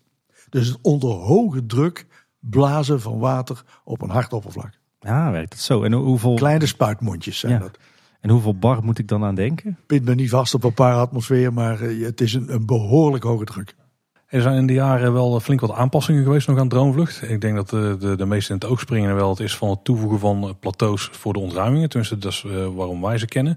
Want vroeger had je veel meer nog het zweefeffect. Toen, toen ging je aan de rand van de scènes voorbij, maar dan liep de grond echt schuin onder je weg. Um, dat is nu al een aantal jaren niet meer zo. Ja, dat, dat heeft toch ook weer te maken met ontsnappingsprocedures en veiligheid. Dat er toch besloten is uh, om, laat maar zeggen, onder de gondels een compleet een compleet looppad te leggen, waardoor je uh, op nog betere wijze uh, een ontruiming kunt laten plaatsvinden. Alternatief heeft uiteindelijk het wel goedgekeurd, want de attractie ging in eerste instantie open dus zonder die extra plateaus. Is er dan een verandering van uh, veiligheidseisen? Nou, of met, met name daar waar die plateaus dus niet waren, zijn speciale procedures in het leven geroepen om mensen uit die gondels te kunnen halen. Er lagen dus ladders klaar. Uh, mensen van het bedienend personeel wisten meteen dat ze daar naartoe moesten. En dat ze mensen dus uit de gondels, met die ladders uit de gondels moesten halen door het decor. Dat kon alleen daar. Maar ik heb ook altijd begrepen. Ook, ook, ook dat, um, daar moet ik er wel bij vertellen. Ook daar weer is het zo geprogrammeerd dat de karretjes allemaal naar een plek toe rijden. Binnen de tijd, ook in de, in de spiraal. Dus waar de karretjes versneld naar beneden gaan. Ze rijden allemaal naar een plek waar gevlucht kan worden. En één daarvan is het dus de mensen uit de gondel halen via het decor met ladders. Toen, hè, toen. Ja, want als ik het goed zeg, is het zo dat er inderdaad uh, zoiets was als een brandprocedure, of die is er nog steeds. In geval van brand, dan, uh, dan uh, rijden de gondels door naar een aantal evacuatietunnels, hè, de tunnels tussen de scènes. Precies. Maar in het geval van technische storingen, dan blijven die gondels, ja, dan blijven die voertuigen natuurlijk hangen. En volgens mij was dat het probleem. De combinatie van een brandmelding en een storing, dan heb je natuurlijk een probleem, want dan rijden je gondels niet naar die evacuatietunnels. Alleen de brandweer gaat ervan uit dat er nooit twee calamiteiten tegelijk plaatsvinden. Dat, dat is wat men toen mij vertelde. Dat hebben wij ook gezegd hoor, luister eens. Als er nou een storing is en er breekt brand uit. Nou zei de brandweer, daar gaan wij niet van uit. Tenzij het nu weer veranderd is, dat weet ik niet. Maar toen niet. Nou ja, dat, volgens mij is dat inderdaad, eh, is daar een verandering in denkwijze uh, uh, in ontstaan de afgelopen jaren. En is dat ook de reden dat, uh, dat die evacuatieplatforms zijn. Dat zou kunnen. wat vind je van Droomvlucht eigenlijk als je, als je nu de attractie bezoekt met die evacuatieplatforms, met het, het ontbreken van mist de afgelopen jaren? Wat, ja, kijk, je aandacht wordt natuurlijk getrokken door de decors, door, door wat er gebeurt om je heen. En ik denk dat de meeste mensen niet eens in de gaten hebben dat er een platform onder zit, wat als ontsnappings uh, ontsnappingsweg moet dienen. Dus ik denk, ik denk dat mensen met, met hele andere blikken de attractie ingaan. En kijk, wij doen dat niet. Wij gaan dus buiten het, het buiten het karretje hangen en kijken wat er onder en, on, en boven zit. Ja. Zo zit ik dan in elkaar. Wij ook hoor. Zo heb ik ook zitten denken, zitten uh, kijken naar uh, de Harry Potter Dark Ride in Universal Islands of Adventure. Dus dat. En dat, toen ontdekte ik dat ze daar een robotarm op een karretje hadden gezet. Dat karretje dat beweegt keurig één paar door het decor. Alleen, daar staat een complete robotarm op. Waardoor jij van links naar rechts wordt getild, van voor naar achter. Op voor jou onmogelijke bewegingsmanieren. Mooi systeem voor de Efteling ooit nog een Fantastisch systeem. Fantastisch systeem. Hey Lex, even afrondend over Droomvlucht. Als je nou eh, terugkijkt op die roerige tijd. Wat, wat had dat project dan voor impact op jou persoonlijk? Het feit dat we dus. We hadden twee dingen. We hadden natuurlijk een, een, een behoorlijke. Door al die tegenvallen. Een behoorlijke overschrijding van het budget. Je kon in dat jaar niet open. Nou, alle ingrediënten. Als jij projectleider bent. Eh, alle, alle ingrediënten aanwezig om de, werk, eh, de werkverhouding niet langer te verlengen. Ik druk me voorzichtig ja, maar dat is niet gebeurd. Want kijk, je doet het met elkaar, zo'n project. Dus er is niet één man die, uh, laat maar zeggen, aangesproken kan worden op, uh, uh, op een, een, miscalculatie of een misrekening. Er zijn ook dingen heel goed gegaan en daar wordt ook naar gekeken. Maar je slaapt er niet meer slecht door? Toen wel. maar ach, ik blijf het een hele fraaie attractie vinden die, die mij een heleboel werkplezier heeft verschaft. En ook de waardering van de mensen, wat ik al ooit eerder zei. hoe leuk is het om tussen het publiek te staan en dan uh, laat maar zeggen, het applaus te horen in, van het, in het enthousiasme wat dan geuit wordt. Ja, nou, ik denk dat het is nog steeds een ontzettend populaire attractie, zowel bij het gewone publiek als bij Efteling-liefhebbers. Zeker, ja. Lex, je refereerde er net al eventjes aan. in 96 opende Villa Volta, ook een eigen ontwikkeling van de Eftelingen. Ja, het is een, een, een, eigenlijk een ontwikkeling die in gang gezet is al in de jaren 80, ergens 86. Wij waren op weg naar MAC om daar een, uh, een kopie te kopen van hun indoor coaster. Die zou dan moeten komen op de plek waar uh, nu dan Vogelrok staat. Je, je bedoelt Eurosat dan, denk uh, ik, De Eurosat, ja. precies, die. En die, dat, heet nu, dat heet nu anders, het is Moulin Rouge geworden. Ja. Toen zaten we op het vliegveld en toen bleek dat, ehm, dat MAC niet kon leveren. Die hadden gewoon geen capaciteit om in het jaar dat wij het wilden, in 96, om daar die indoor coaster neer te zetten. En toen zaten we dus met de handen in het haar. We zaten op het vliegveld en daar zat, uh, we zaten met een groepje met elkaar, Paul en Antoine en Ton en ik. En toen zegt uh, Paul, ja, ja, wat hebben, hebben, hebben we nou niks anders? Hebben we niks op de plank liggen? En toen kwam Ton met het idee, ja, ik heb nou wel iets op de plan gelegen. Jaren geleden hebben we geprobeerd om uh, uh, mijn idee over een kantelend huis, om dat uh, te verwezenlijken, maar dan in een grote vorm. Nou, dat wil ik dan wel zien als we terug zijn. Dus toen is, zo is dat balletje gaan rollen. Ah, okay. Dus toen heeft, toen heeft Ton die, heeft die tekeningen laten zien. En Paul was meteen enthousiast. Heeft meteen een werkgroep geformeerd. Daar zat, uh, daar zat ik in, daar zat uh, Leo Pullers in. En uh, wij zijn eigenlijk die kar van de grond gaan trekken. Tom Merk zat toen, was toen als hoofd, hoofdtechnische dienst, zat hij erin. En wij zijn toen met Twecoma gaan praten. En die hebben uiteindelijk een proefopstelling gemaakt op ware grootte. En toen konden wij ongeveer ervaren wat het effect zou zijn als je dus in dat kantelend huis zou zitten. En op die manier is de ontwikkeling eigenlijk door VCOMA en de Efteling samen gedaan. Maar jullie hebben daar echt in hele korte tijd tegen een, nou toch best wel gering budget eigenlijk een pareltje van een attractie neer weten te Absoluut. zetten. Ongekend succes en ook niet uh, voor de laatste keer gekopieerd. nee. Om dat licht uit te drukken. Dat is, dat is uh, uh, ja, dat, dat, dat, dat, dat gebeurt dan. De oorzaak zit met het feit dat Mac dus niet kon leveren. Kijk, dat uh, en heb toen, ik kwam, toen geweten. kwam Villa Volta om de hoek. Toen heette het Villa Vola, heette het toen nog. Het is inderdaad een van de, van de meest succesvolle attracties, uh, thrill rides, die de Efteling heeft. Bij Villa Volta denk je natuurlijk meteen aan uh, het, het transportsysteem, de, de trommel ja, en de schommel. Ja. Maar ik kan me voorstellen dat de animatronic van Hugo van der Loonse Duinen ook wel een uitdaging was voor de Efteling-organisatie. Ja, dat is uh, zeker een uitdaging. En die uh, Hugo is gestoeld op de technieken, een voortborduren weer, een spin-off van de technieken toegepast in de Trollenkoning. Daar zitten dus elementen, verbeterde elementen in bij Hugo. En die niet zonder succes. En geheel in eigen huis ontwikkeld? En geheel in eigen huis gebouwd, ja. Ik zeg, Garner Holt kan er nog een puntje aan zuigen. Ja, maar die maakt ook wel leuk. ja, dat is waar. Hey, ik zei net, uh, zeg je Lex Lemmens, dan zeg je Droomvlucht. Maar zeg je Lex Lemmens, dan zeg je toch zeker ook Vogelrok? voordat we er trouwens in gaan duiken, Tim, want het vorige ook moeten we zeker over hebben. Maar je had het net over de achtbaan die toen bij MAC in principe als voorloper van Vogelrok aan het zoeken waren. Ja, en, en eigenlijk uh, min of meer van de, van de plank te trekken ding vanwege de capaciteit, vanwege de tijd. Maar bij Europa Park zit die attractie in een bol. Ja. Uh, was, er, was er ook een bepaalde vorm bij de Efteling al? Uh, het, het zou, het zou een, bijna een kopie zijn geworden van, van Eurosat. Ik kan me niet voorstellen dat zo'n metalen glimmende bol in de Efteling geplaatst zou worden. Was er een andere vorm voor bedacht? Er zou zeker, maar er is nooit een, een, een ontwerp voor gemaakt. Er zou zeker een, een, een ontwerp voor komen van, van een aparte vorm. Oké, ik denk misschien lag er al een plan. Dan was ik heel benieuwd wat dat dan was. Geen geodetische bol in de Efteling. We hebben gekeken naar een, een, een achtbaan in donker en wie kan die leveren en wie heeft er een. Proven technology heet dat dan, hè, met een mooi woord. Bewezen, uh, bewezen zekere zaak. Nou, nou Paul, dan uh, mag ik toch doorstappen naar, naar Vogelrok. Want wat de familie Mak in 96 niet kon leveren, dat heb jij volgens mij eigenhandig zelf ontworpen twee jaar later. Ja, wij wilden toch wel een achtbaan in het donker hebben. En, en uh, die was ook weer gebonden aan bepaalde restricties. Hoogte beperkt, oppervlakte beperkt. En toen heb ik uh, tegen VCOMA gezegd, ik zal een, uh, een baan ontwerpen. Dat lijkt me wel leuk.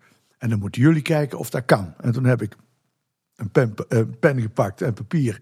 En ik ben gaan schetsen en tekenen. En uiteindelijk is er precies gebeurd wat ik getekend heb binnen de hoogte, binnen de.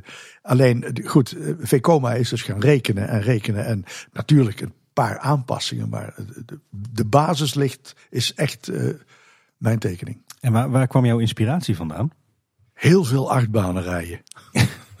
en en, en uh, de leuke dingen eruit vissen. En uh, waar zit nou de spanning bij een achtbaan? En die spanning die zit hem in uh, de lift onder andere. Wat, wat kun je bij een achtbaan in het donker van een lift verwachten. Dan het naar beneden gaan, in een hele grote boog, het aan de wand geplakt blijven gedurende een soort, soort verticale of horizontale loop is dat dan. Het veranderen van rijrichting. Hè. Je, we kantelen op een gegeven moment van uh, een, een, een, een, draai naar links, gaan we naar rechts. Uh, er zijn mensen die daar niet zo goed tegen kunnen, tegen die verandering. Ik begin er steeds meer moeite mee te krijgen.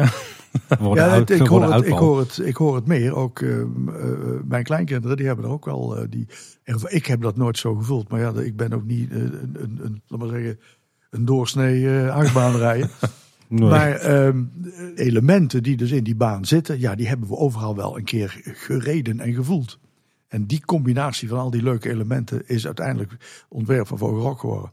Met name de, de en daarbij gezegd dat, uh, dat VCOMA natuurlijk het hele rekenwerk daarvoor gedaan heeft. En dat was natuurlijk ook nog passen in een, uh, over, in ieder geval een dicht gebouw, want het was ja, donker ja, ja, dat waren dus de restricties waarbinnen het ontwerp moest passen. Hoogte, lengte, breedte.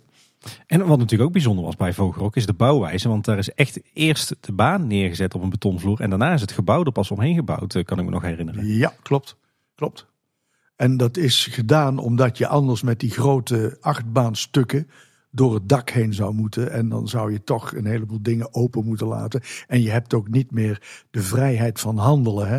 Ik bedoel, het scheelt je enorm veel tijd in opbouw en constructie en montage. Als je uh, niet gehinderd wordt door bouwkundige obstakels.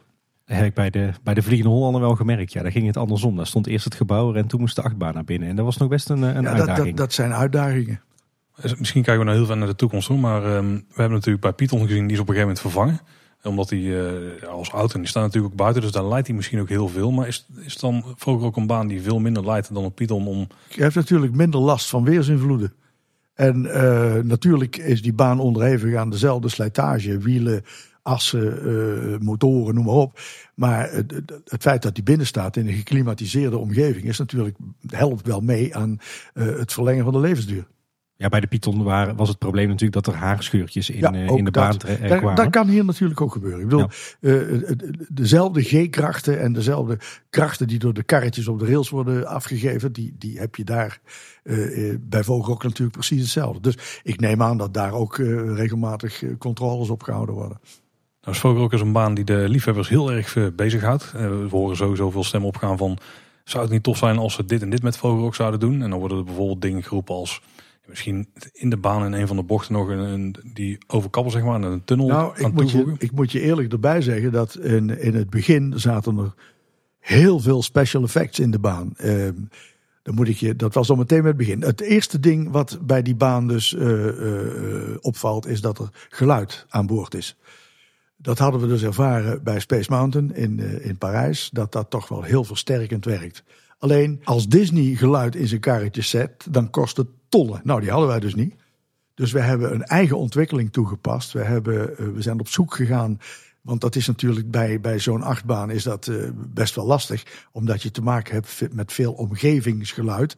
Waarbij ook lage tonen uh, voortgebracht worden. En wij hebben dus vastgesteld dat waar ervaar je lage tonen in jouw hersenen, daar worden die vertaald. Dus trillingen die je in een voorwerp of in je stoel zet, die, uh, die worden vertaald in jouw hersens lage tonen. Wat hebben we dus toegepast daar? Wij hebben daar zogenaamde butt shakers toegepast. Dat zijn trillelementen in de bodem van je stoel, waardoor jij een trilling ervaart die in jouw hoofd wordt vertaald naar lage tonen. Dat is. Uh, Dan hoef je dus geen uh, grote, zware luidsprekers toe te passen. Want dan kun je volstaan met de tweetertjes die er nu zitten. In het midden, links en rechts. Dus je kunt dan toch een semi-stereo beeld maken. Eentje in het midden en uh, het linkerkanaal links en het rechterkanaal uiteraard rechts. En in het midden neutraal.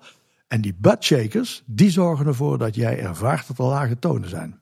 Ander effect, heel belangrijk. We gingen de lift op. Boven de lift zat een projectie met laser. Daar werd rook ingeblazen, dus je had als het ware een, je zag de hele lift en je zat onder een dakje van laserstralen. Is er niet meer. Um, je had vogels die uh, rondfladderden. Als je naar beneden dook, zag je die vogels ineens hangen. Er zaten talloze lasereffecten in, ook weer met rook. Aan het einde van de gang had je een tunnel met heel veel fiberoptic effecten. En uh, er is nog maar heel weinig van over. Maar vooral in de wachtrijen, om die te veraangenamen, in de wachtrij hadden we ook een geprogrammeerde lasershow. En die lasershow die was gestoeld op de muziek van een, Griekse componist, Yanni. Het nummer heette Standing in Motion. En dat, uh, dat is een, vond ik een geweldig nummer. En dat nummer had ik voor het eerst gehoord bij de Fountain of Nations in Epcot Center. Daar wordt die, naar mijn idee, nog steeds gebruikt. Kijk. Dus dat effect zijn we ook al bij de ingang. Die, die, die laten we zeggen, die meandering, die was uh, veel groter als die nu is. En we hadden nog een effect erin zitten. En dat was een heel groot raam. En je kon door dat raam, kon je de ruimte inkijken. En zag jij die special effects. Zag jij de mist, zag je de fiber optics. En zag je de trein die voor het raam door uh, raasde. En dat is allemaal weg. Ja, kan me nog goed herinneren inderdaad. Hey, maar Lex, er, zijn ook heel wat verhalen dat de oorspronkelijke plannen voor Vogelrok, uh, uitgewerkt door Tom van de Ven, uh, dat die veel rijker gethematiseerd waren. Zowel het gebouw aan de buitenzijde als ook de hele achtbaanrit. Kan, kan, jij nog herinneren wat eigenlijk de bedoeling was met Vogelrok? Mm, nou ja, de, we hebben de vogelrok aan de buitenkant van het park gelegd. Waarom is dat uiteraard gedaan? Om grote gebouwen, die zet je niet midden in het park, want dan moet je rondom thematiseren. Om dit gebouw aan de buitenkant te leggen had je alleen maar een ingang nodig. En het budgetair heeft dan natuurlijk, geeft de doorslag voor het bezuinigen op je, op je decor van je gebouw.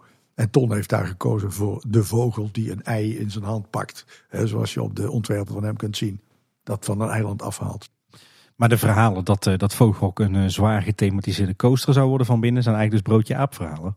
Uh, zwaar gethematiseerd is inderdaad een, een, dat is zwaar aangezet. Ja, kijk, dat is toch weer mooi dat we die mythe hebben kunnen ontkrachten.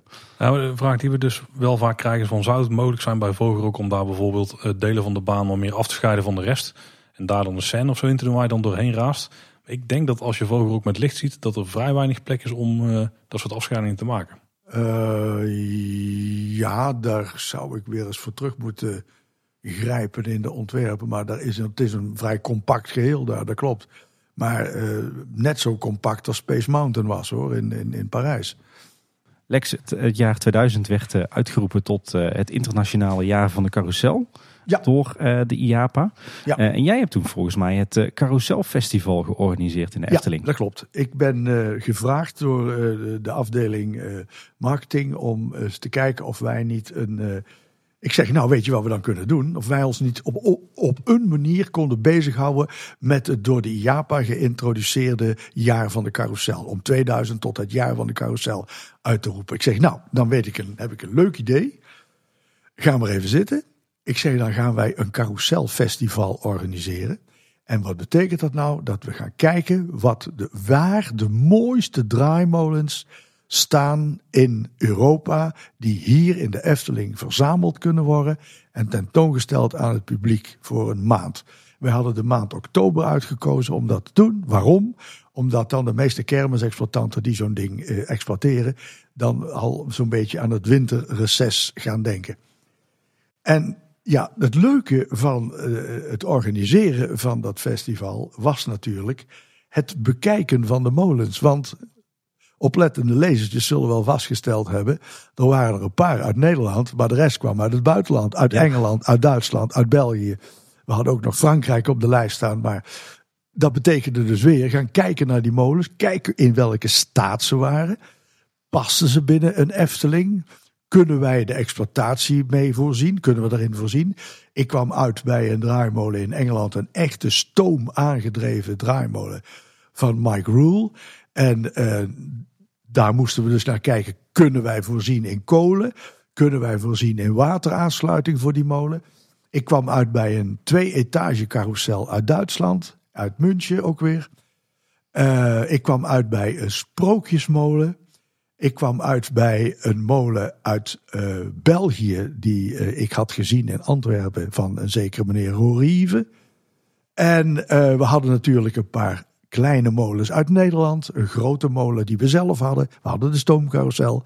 Enfin, we hadden dus een, alle ingrediënten om een mooi carouselfestival in elkaar te zetten. Dat betekende dat je met die kermisexploitanten moet gaan onderhandelen. Want die missen natuurlijk, zeggen ze, die missen dan een stuk inkomen. Dus voor sommige carousellen moest je betalen. En niet te zuinig. Andere moest je weer zorgen dat ze huisvesting kregen. Die meneer uh, uit Engeland die moest ergens logeren. Nou, daar had ik afspraken gemaakt met ons hotel. Weer anderen hadden een woonwagen bij zich. Nou, dan moesten we naar een, naar een camping toe. Met, eh, met, uh, enfin, er was, er was van alles te organiseren en te regelen. Maar het, niet zonder succes. We hebben, uh, we hebben heel veel bezoekers meer gehad. Het enige wat niet zo leuk was, is dat het weer niet echt meewerkte. Want we hebben al, allerlei maatregelen moeten treffen om uh, laat maar zeggen, bij, bij uh, ernstige regenval. Om toch mensen droge voetjes te laten houden. Maar het was, een, het was echt een succes. Ja, wat mij betreft ook absoluut een, een hoogtepunt in de geschiedenis van de Efteling. In ieder geval in mijn persoonlijke geschiedenis. Dat zal de luisteraars ook niet verbazen. Ik vind het nog steeds jammer dat het Carousel Festival niet een, een jaarlijks fenomeen is geworden. Want dat had volgens mij prima gepast op de speelweide. Het zou hebben gekund. Het zou ook op de speelweide prima hebben gepast. Ja, het was. En er zijn natuurlijk nog veel meer molens die uniek zijn in, uh, uh, en die nog in exploitatie zijn. Die daar een, een, uh, een, een plaats kunnen verdienen.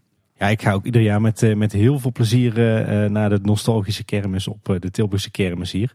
en daar staan toch ook een heleboel attracties die ook prima in de Efteling zouden passen. Absoluut. En er, staan, uh, er staat onder andere een cakewalk. Die vroeger had de stoomcarousel, had een cakewalk. Die reist nou separaat rond. Dat soort dingen. Luchtschommels, treintjes, een, een reuzenrad, hè, een Turkse schop. Dat zijn allemaal dingen die best binnen de Efteling zouden passen. Waarvoor we destijds ook dat plein 1900 in gedachten hadden. Lex, als we dan uh, op jouw cv kijken, dan uh, blijkt dat je eind jaren 90 nog een andere functie hebt gekregen bij de Efteling. Je werd toen uh, projectmanager R&D. staat niet voor reizen en declareren, weten we inmiddels maar voor... Research and Development. ja, research and Development. Ja. Wat, wat, wat, hield die overstap in? van waar die, die overstap? Wat, wat hield die nieuwe functie in? Ja, het is niet echt een, een, een, een, een, een overstap. want ontwikkeling, ontwerp, dat deden we al... al alleen dat kreeg toen een naam. Research and development, ja. Het, het, mede ontwikkelen van attracties. Ja, volgens mij een van, die, een van de laatste attracties waar je nog aan meegewerkt hebt uh, is Pandadroom.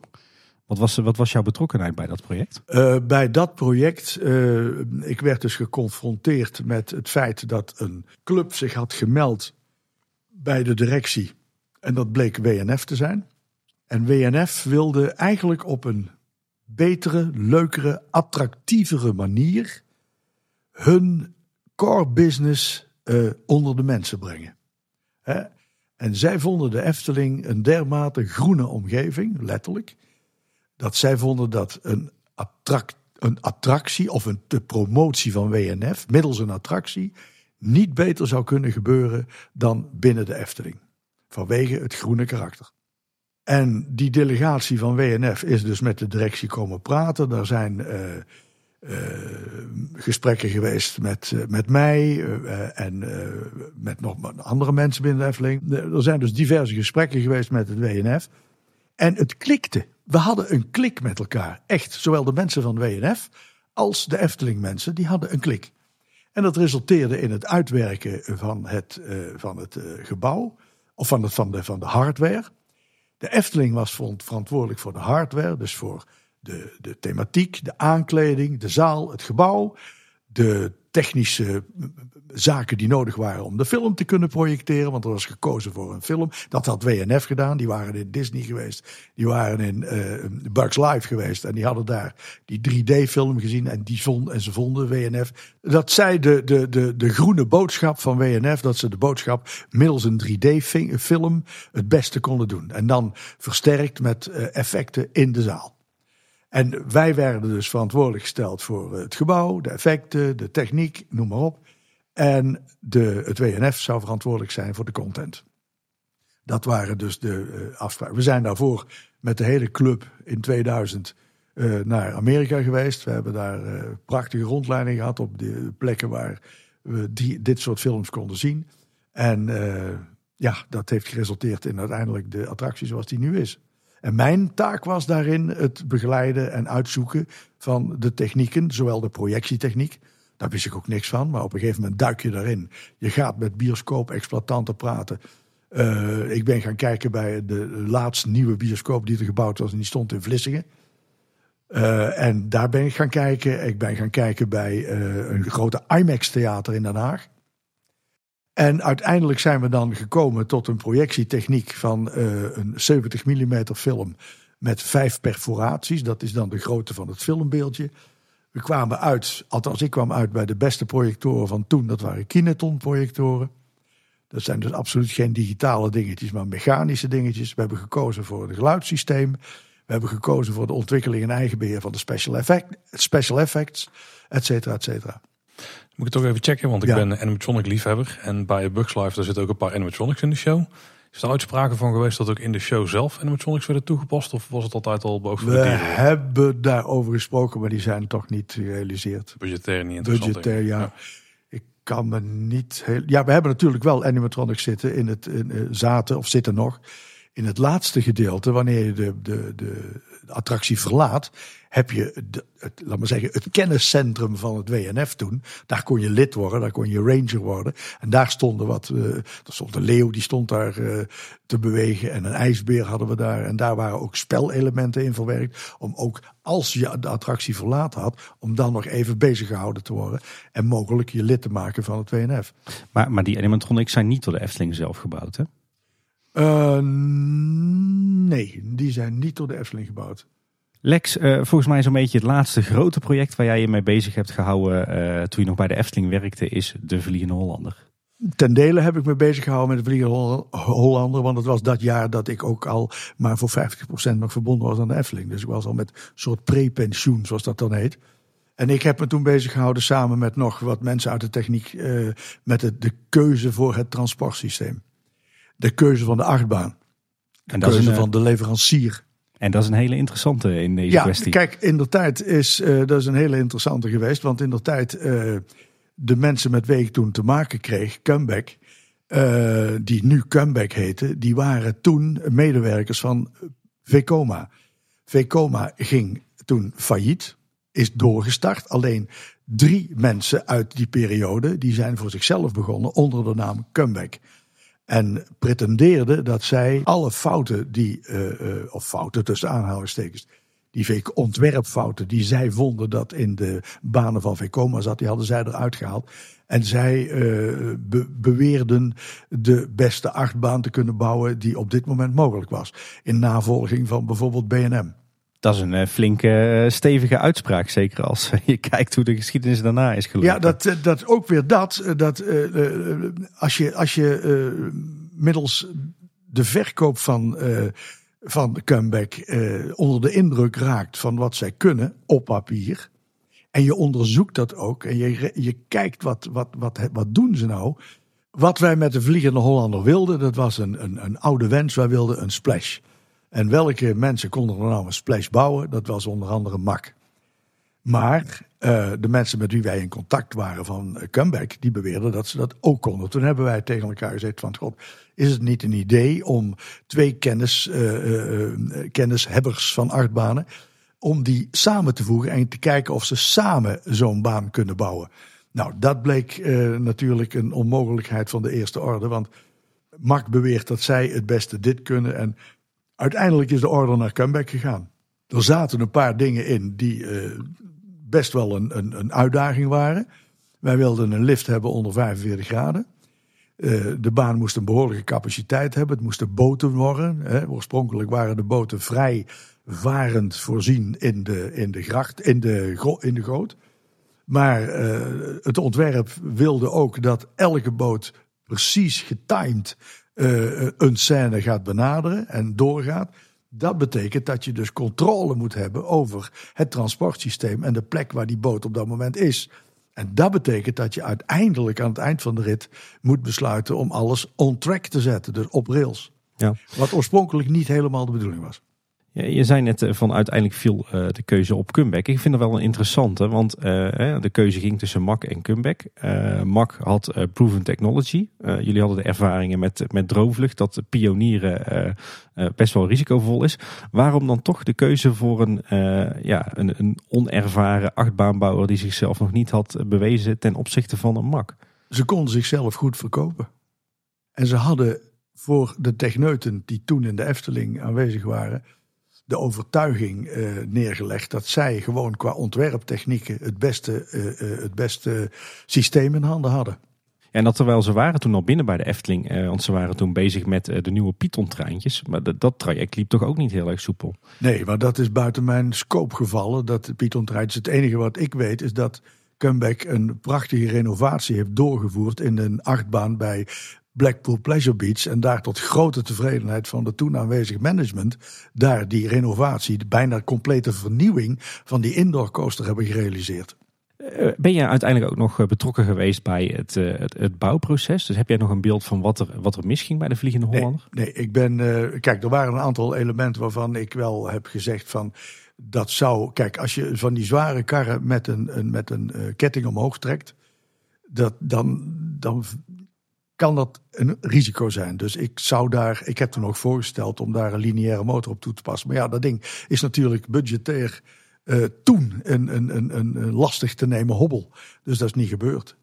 En ook uh, om boten, de boten binnen te brengen kun je aandrijvingen onder water zetten. De maritieme technieken die zijn er. Maar ja goed, dat zijn allemaal hele dure toepassingen. En ja, als het budget beperkt is, dan moet je afzien van dit soort uh, dingen. Ja. Daar, daarover gesproken, we weten ook dat, uh, dat er uh, hele andere en wellicht ook duurdere plannen waren voor de Vliegende Hollander. We, weet jij nog wat oorspronkelijk de bedoeling was met die attractie? Het baanontwerp zoals dat daar ligt is wel weer naar een idee van mij. Ik heb toen gezegd, als boven die boot uit uh, naar buiten gespuugd wordt, als het ware, dan moet hij meteen rechtsaf gaan en dan oh, lo bijna loodrecht naar beneden en dan een gat inschieten. Dat, dat, dat effect is heel bijzonder, had ik ervaren. In eerste instantie zou Mak eh, mogelijk een leverancier worden. Ik kan me voorstellen dat dan de baan er wel wat anders uit had gezien. Sowieso een ander eh, type rails. Ja, de, kijk, we hebben. Mak heeft nog wat ontwikkelingen in gang gezet waarbij een bootje middels een, een, een aantal uh, losse bevestigingen, los tussen aanhalingstekens, op een karretje gemonteerd was. Waarbij je het effect van varen uh, meemaakte. Dat, dat, dat effect van varen bleef behouden. Alleen het bootje was wel degelijk gecontroleerd, omdat er onder water een uh, karretje op een rails reed om dat bootje rond te trekken.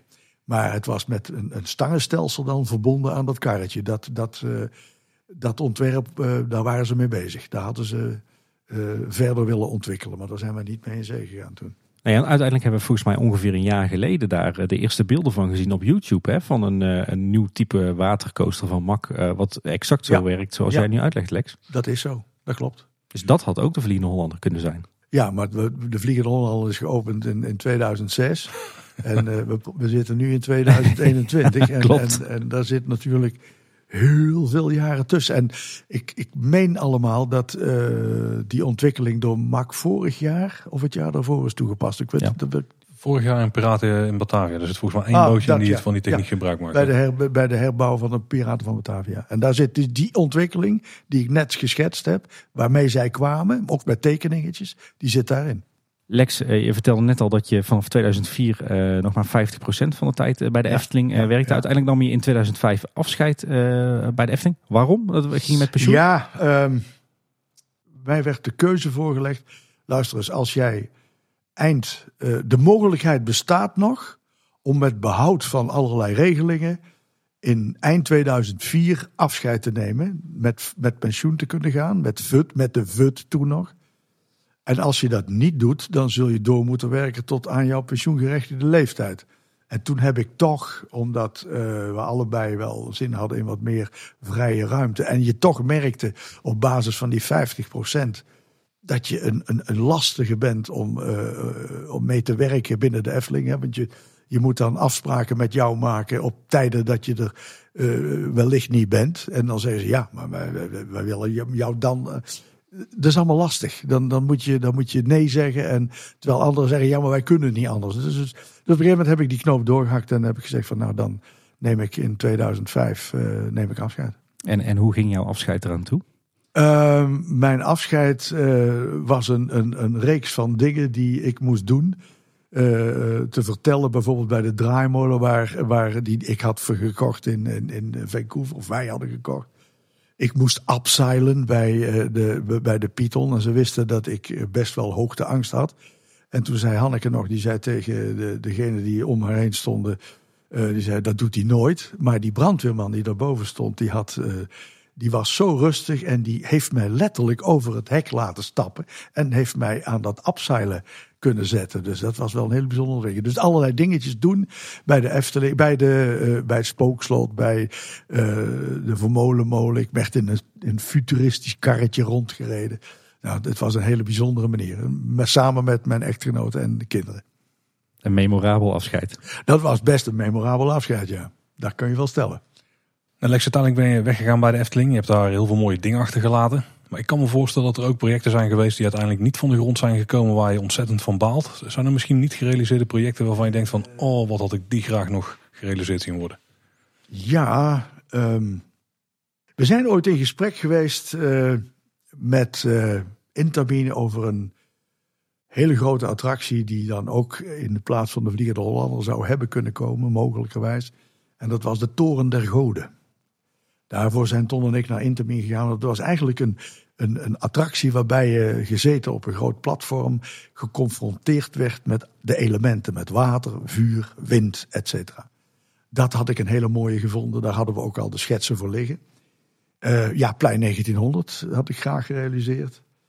Uh, ik had graag gerealiseerd. Ik heb, we zijn ooit in gesprek geweest met uh, Marten Toonder. Omdat uh, die in der tijd Kijk, Martin Toonder heeft natuurlijk ook een cultureel erfgoed, wat, wat in boekvorm er is. Maar hij heeft ooit in Oosterwijk, heeft hij, uh, of later, heeft hij onder zijn auspiciën, is daar een project gerealiseerd, Rommeldam. En dat is mislukt. En wij zijn uh, in contact gekomen met Martin Toonder. Ik heb toen, omdat ik een groot bewonderaar ben en alle boeken van Martin Toonder over Olly B. Bommel en Tom Poes heb, heb ik een verhaal geschreven. Tom Poes en de Efteling. En we zijn dat gaan uitwerken. En Tom Poes en de Efteling zou dan een ontwikkeling zijn geweest. Een soort uh, klein parkje buiten de Efteling.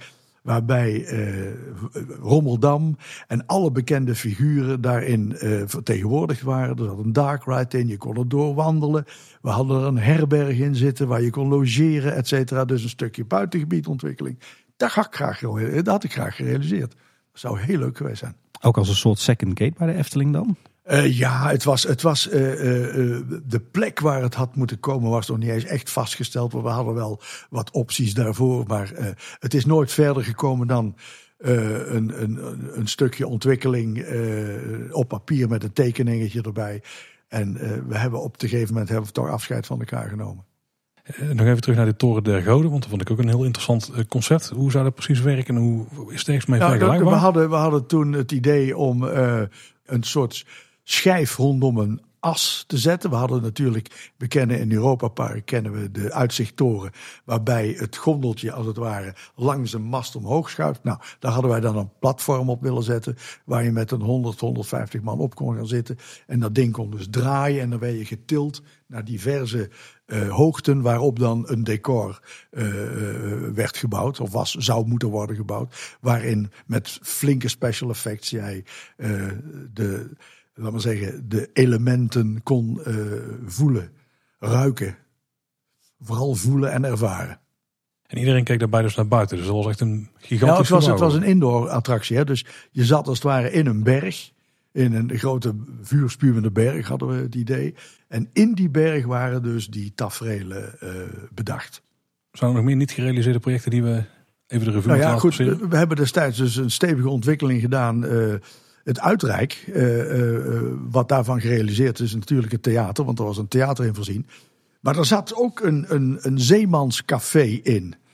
En uh, dat zeemanscafé, uh, ik was geïnspireerd door een attractie in ja, Pleasure Island. Daar zat de attractie in de Adventure Club. Ik weet niet of je dat iets zegt. Maar in die attractie, daar, was, uh, daar zaten acteurs in de zaal. Jij komt daar binnen, je dacht dat het een café was. En dan zit je aan de bar in dat café en dan begint zo'n acteur luidruchtig tegen jou te praten. En uh, dingen over jou te vertellen. En dan vraag je je af, wat gebeurt er hier nou toch? Maar om lang wel kort, maar op een gegeven moment ga je met die acteur naar een ruimte. En in die ruimte, daar is een hele grote schouw. En boven die schouw is een spiegel. En op die spiegel, op de, op de schouw, staat een, een, een, een hokje. En hij begint een heel verhaal te vertellen. En op een gegeven moment dan gebeurt er iets. En dan verschijnt er in dat kastje een hoofd. Van de acteur, van degene waar, over, over wie hij het heeft. Adventure Club bestaat op dit moment niet meer.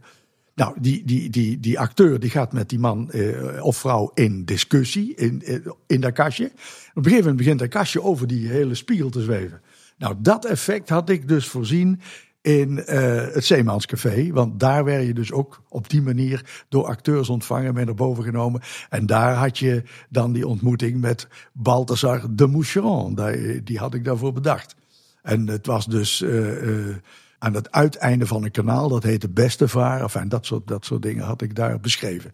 Maar het is ook nooit, dat niet gerealiseerd, want het hele uitrijk is niet doorgaan. Zijn er ook nog plannen uitgewerkt voor second gates, dus voor andere parken naast de Efteling? Uh, nee, we hebben ooit volgens mij een ontwikkeling gehad in, in Spanje. Daar zijn we op pad geweest voor een tweede park bouwen of overnemen. Maar verder is dat niet, uh, niet, niet gerealiseerd. Cosmo Science Center was natuurlijk een, een buitengate. Hè? Dat was een second gate, ja. Maar dat is ook niet, helaas niet gerealiseerd. Nou. Dan een paar dingetjes waar ik zelf altijd heel benieuwd naar ben geweest. En we hebben jou nou aan tafel zitten, dus ik kan het niet laten ons te vragen. Je haalde net al even die achtbaan aan die voor het A-veld was besteld. Daar weten we daar heel weinig van. Je vertelde net al dat het een houten achtbaan was. Maar heb je nog enig idee wat voor model of, of iets? Of het was een bestaande houten achtbaan die de Efteling gekocht had. Ik kwam toen net bij de Efteling en toen, was die, uh, uh, toen lag die bij uh, de, de, toenmalige Fabiola loods, Fab loods. Daar lag die baan.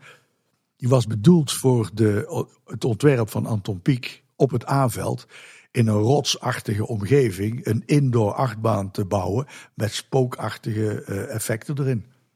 Een spookbaan. Maar hoe groot de baan was of zo, uh, of waar die mee vergelijkbaar nee, was? Het, het, was een bestaande achtbaan van, uh, van de kermis. En dan moet je toch niet denken aan een hele grote baan. Gewoon iets wat op te bouwen is in een paar dagen in principe. En dan, Precies, dat. Ja. En uh, waar ik ook altijd heel benieuwd naar ben geweest, is uh, echt het, misschien wel het missende attractietype binnen de Efteling. Maar zijn er ooit plannen geweest voor een lokvloem in het park? Want er was wel de wens voor een splash. Een lokvloem zou je die ook mee kunnen hebben natuurlijk. Nee, wij hebben nooit. Wij hebben natuurlijk uh, uh, de Piranha. Dus een, een vloemride hebben wij nooit in gedachten gehad. Oh, okay. nee, nee, nooit een vloemride. Nooit een vloemride in gedachten gehad. Nou, we hebben dus wel, en als je dat, een flume ride, waren natuurlijk de bobbanen. Dat was ja, Ook, ook een, geen flume ride, maar dan met vrij bewegende dingen in de Behalve als het regende, dan was het Dan was je, dan was je lekker glad. Hey, en, en, want dat is dan een prangende vraag van mij. Is er ooit overwogen om een droptoren in de Efteling te bouwen? Freefall? Ja.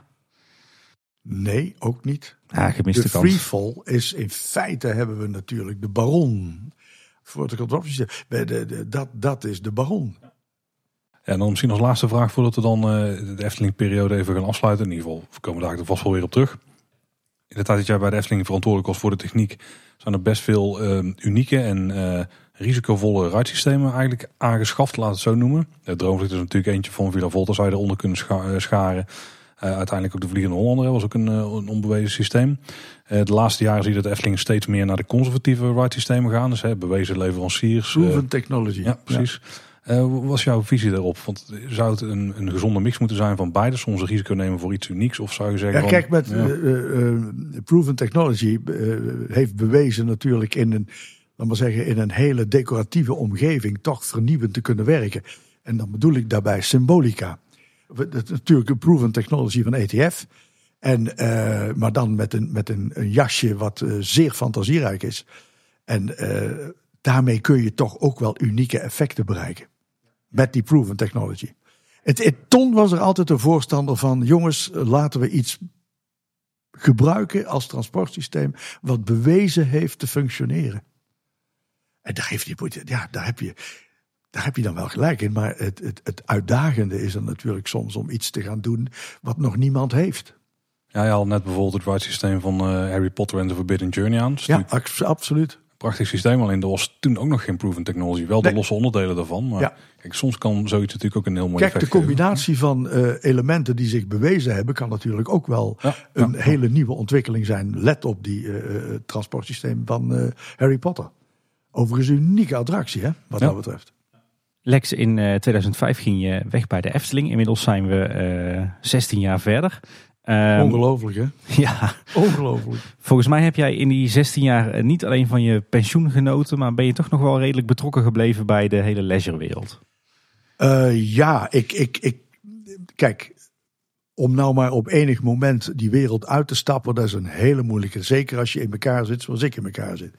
Dus wat ik heb gedaan is eind uh, 2004 uh, ben ik naar de Kamer van Koophandel gestapt en heb daar uh, me gemeld als ZZP'er. En heb ik dus, uh, ben, ik ben ik ingeschreven bij de Kamer van Koophandel. Dat heeft nadelen, maar het heeft ook veel voordelen.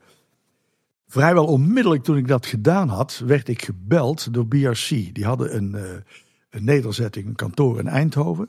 Daar was Bart Domer was daar de motor van. En die belde mij op en die zei: God, jij gaat binnenkort met pensioen. Zou jij niet met ons samen jouw kennis en kunde willen delen op projecten die op ons pad komen. Nou, daar heb ik onmiddellijk ja op gezegd. En dat heeft betekend dat ik uh, vrijwel elk jaar ook weer in hun stand op de beurs stond. Dat ik meegenomen werd naar projecten zoals uh, in, in, in, in Dallas en in uh, Detroit bij Ford. Daar hebben ze grote projecten gedaan. Ik heb mee mogen denken, mensen kunnen rondleiden in attracties die ze gebouwd hadden in Cape Canaveral. Het was een briljante tijd. Want uh, kan je even uh, aan onze luisteraars uh, uitleggen wat BRC precies is? BRC is een, een ontwikkeling van een bedrijf van Bob Rogers.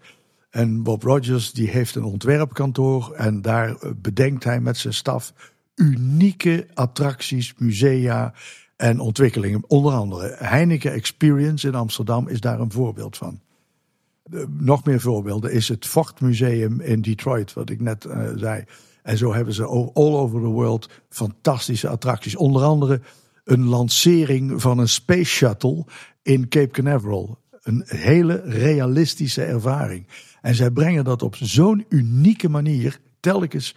Als je nou praat over combinaties van proven technology met unieke ideeën, dan zijn zij daar briljant in. Die is uh, heel tof inderdaad. Ja, daar. Ja, en daar heb je dus eh, nog een aantal jaren advieswerk Ja, uh, op dit moment is het natuurlijk gelet op, het is, het is nu niet druk meer. Bovendien, het kantoor in Nederland is, is, is gestopt. Uh, het kantoor in Engeland is er nog wel en van daaruit wordt dus gewerkt. Maar Bob is van origine een man die onder Marty Sklar gewerkt heeft bij Disney. En Marty Sklar die heeft gezegd, jij moet voor jezelf bedienen, bedienen jij moet voor jezelf beginnen en ik word jouw klant. En hij heeft dus een van de eerste projecten die hij gedaan heeft, is The World of Motion in Epcot Center. En daar zat een vogeltje met een grote sigaar. En uh, dat is een idee van Bob Rogers geweest. Kijk. In de voorshow. Uh, Lexia werkte voor Bob Rogers of voor BRC uh, vanuit uh, jouw, jouw eigen bedrijfje, ja. Alex Lemmens Consultancy. Ja, we in, oorspronkelijk heette het Alex Lemmens Productions, maar consultancy vond ik toch op een gegeven moment beter klinken. Nou, wat hebben we daar allemaal gedaan? Ik ben uh, nog steeds, maar dat staat nu ook op een laag pitje, vaste adviseur bij Blijdorp al bijna tien jaar. Oh, nou spring ik wel even aan, want uh, ik ben zelf groot dierentuinliefhebber, kom ook vaak in Blijdorp. Maar wat heb jij zo al voor Blijdorp gedaan dan?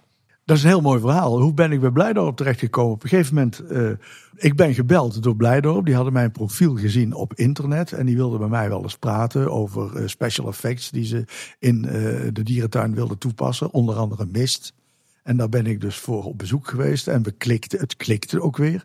En vervolgens werd ik voorgesteld aan de man die alle kennis en kunde heeft van, van vogeltjes en beestjes en haasjes en leeuwen en tijgers. Zij waren bezig met het aanpassen van Azië. En in dat gebied Azië, daar moest rook komen om het spannend te maken. Nou, die rook is er gekomen. Ik kende dus uh, mensen die rookmachines maakten. Die zaten in Zeetoederode. Die heb ik er naartoe gebracht en er zijn rookmachines geïnstalleerd. En toen gingen we een stapje verder. Toen zeiden ze, goh, wij willen met jou toch ook eens praten over uh, een project wat we aan willen pakken. Dat is de Rivierenhal. Toen ben ik met hun naar de Rivierenhal gaan kijken. Zeg je, wat wil je hier dan doen? Hij zegt, ja, we, zullen, we willen hier eigenlijk een attractie inbouwen. Iets anders dan anders. Ik zeg, nou, maar dan moeten we op een andere stoel gaan zitten. Dan weet ik wel een bedrijf die daar een heel goed idee over kan ontwikkelen. En dat is BRC. En toen heb ik dus Bardome geïntroduceerd bij uh, Blijdorp. En dat klikte ook weer. En toen hebben we daar dus een bekende methode uh, uh, toegepast. De, de bekende charrette van BRC. Waarin je dus al pratende met mensen die bij de attractie of bij uh, de ontwikkeling betrokken kunnen zijn. Er kunnen bankiers zijn, er kunnen schilders zijn, er kunnen architecten zijn, er kunnen techneuten zijn. Allerlei pluimage. En middels zo'n charrette, die twee dagen duurt, komt er dan uiteindelijk aan het einde ervan een plan, een bubbeldiagram, waarin alle elementen die je besproken hebt gedurende die, die twee dagen uh, belicht worden. En met dat bubbeldiagram ga je dan aan de slag. En wij hadden dus inderdaad een hele grote attractiebedrag in de Rivierenhal. En uh, om budgettaire redenen, omdat toen de subsidie van Blijdorp uh, dramatisch werd uh, gekort, is dat niet doorgegaan. Helaas niet doorgegaan. Nee. Maar we hebben daar wel, uh, ik heb daar gelukkig met nog wat andere mensen die ik in mijn omgeving kende, hebben kunnen werken aan het Leeuwenverblijf. Daar hebben we projecties toegepast. Er zit een vrachtwagen waarin een, een film wordt gedraaid die half in de Leeuwenkooi staat en half erbuiten.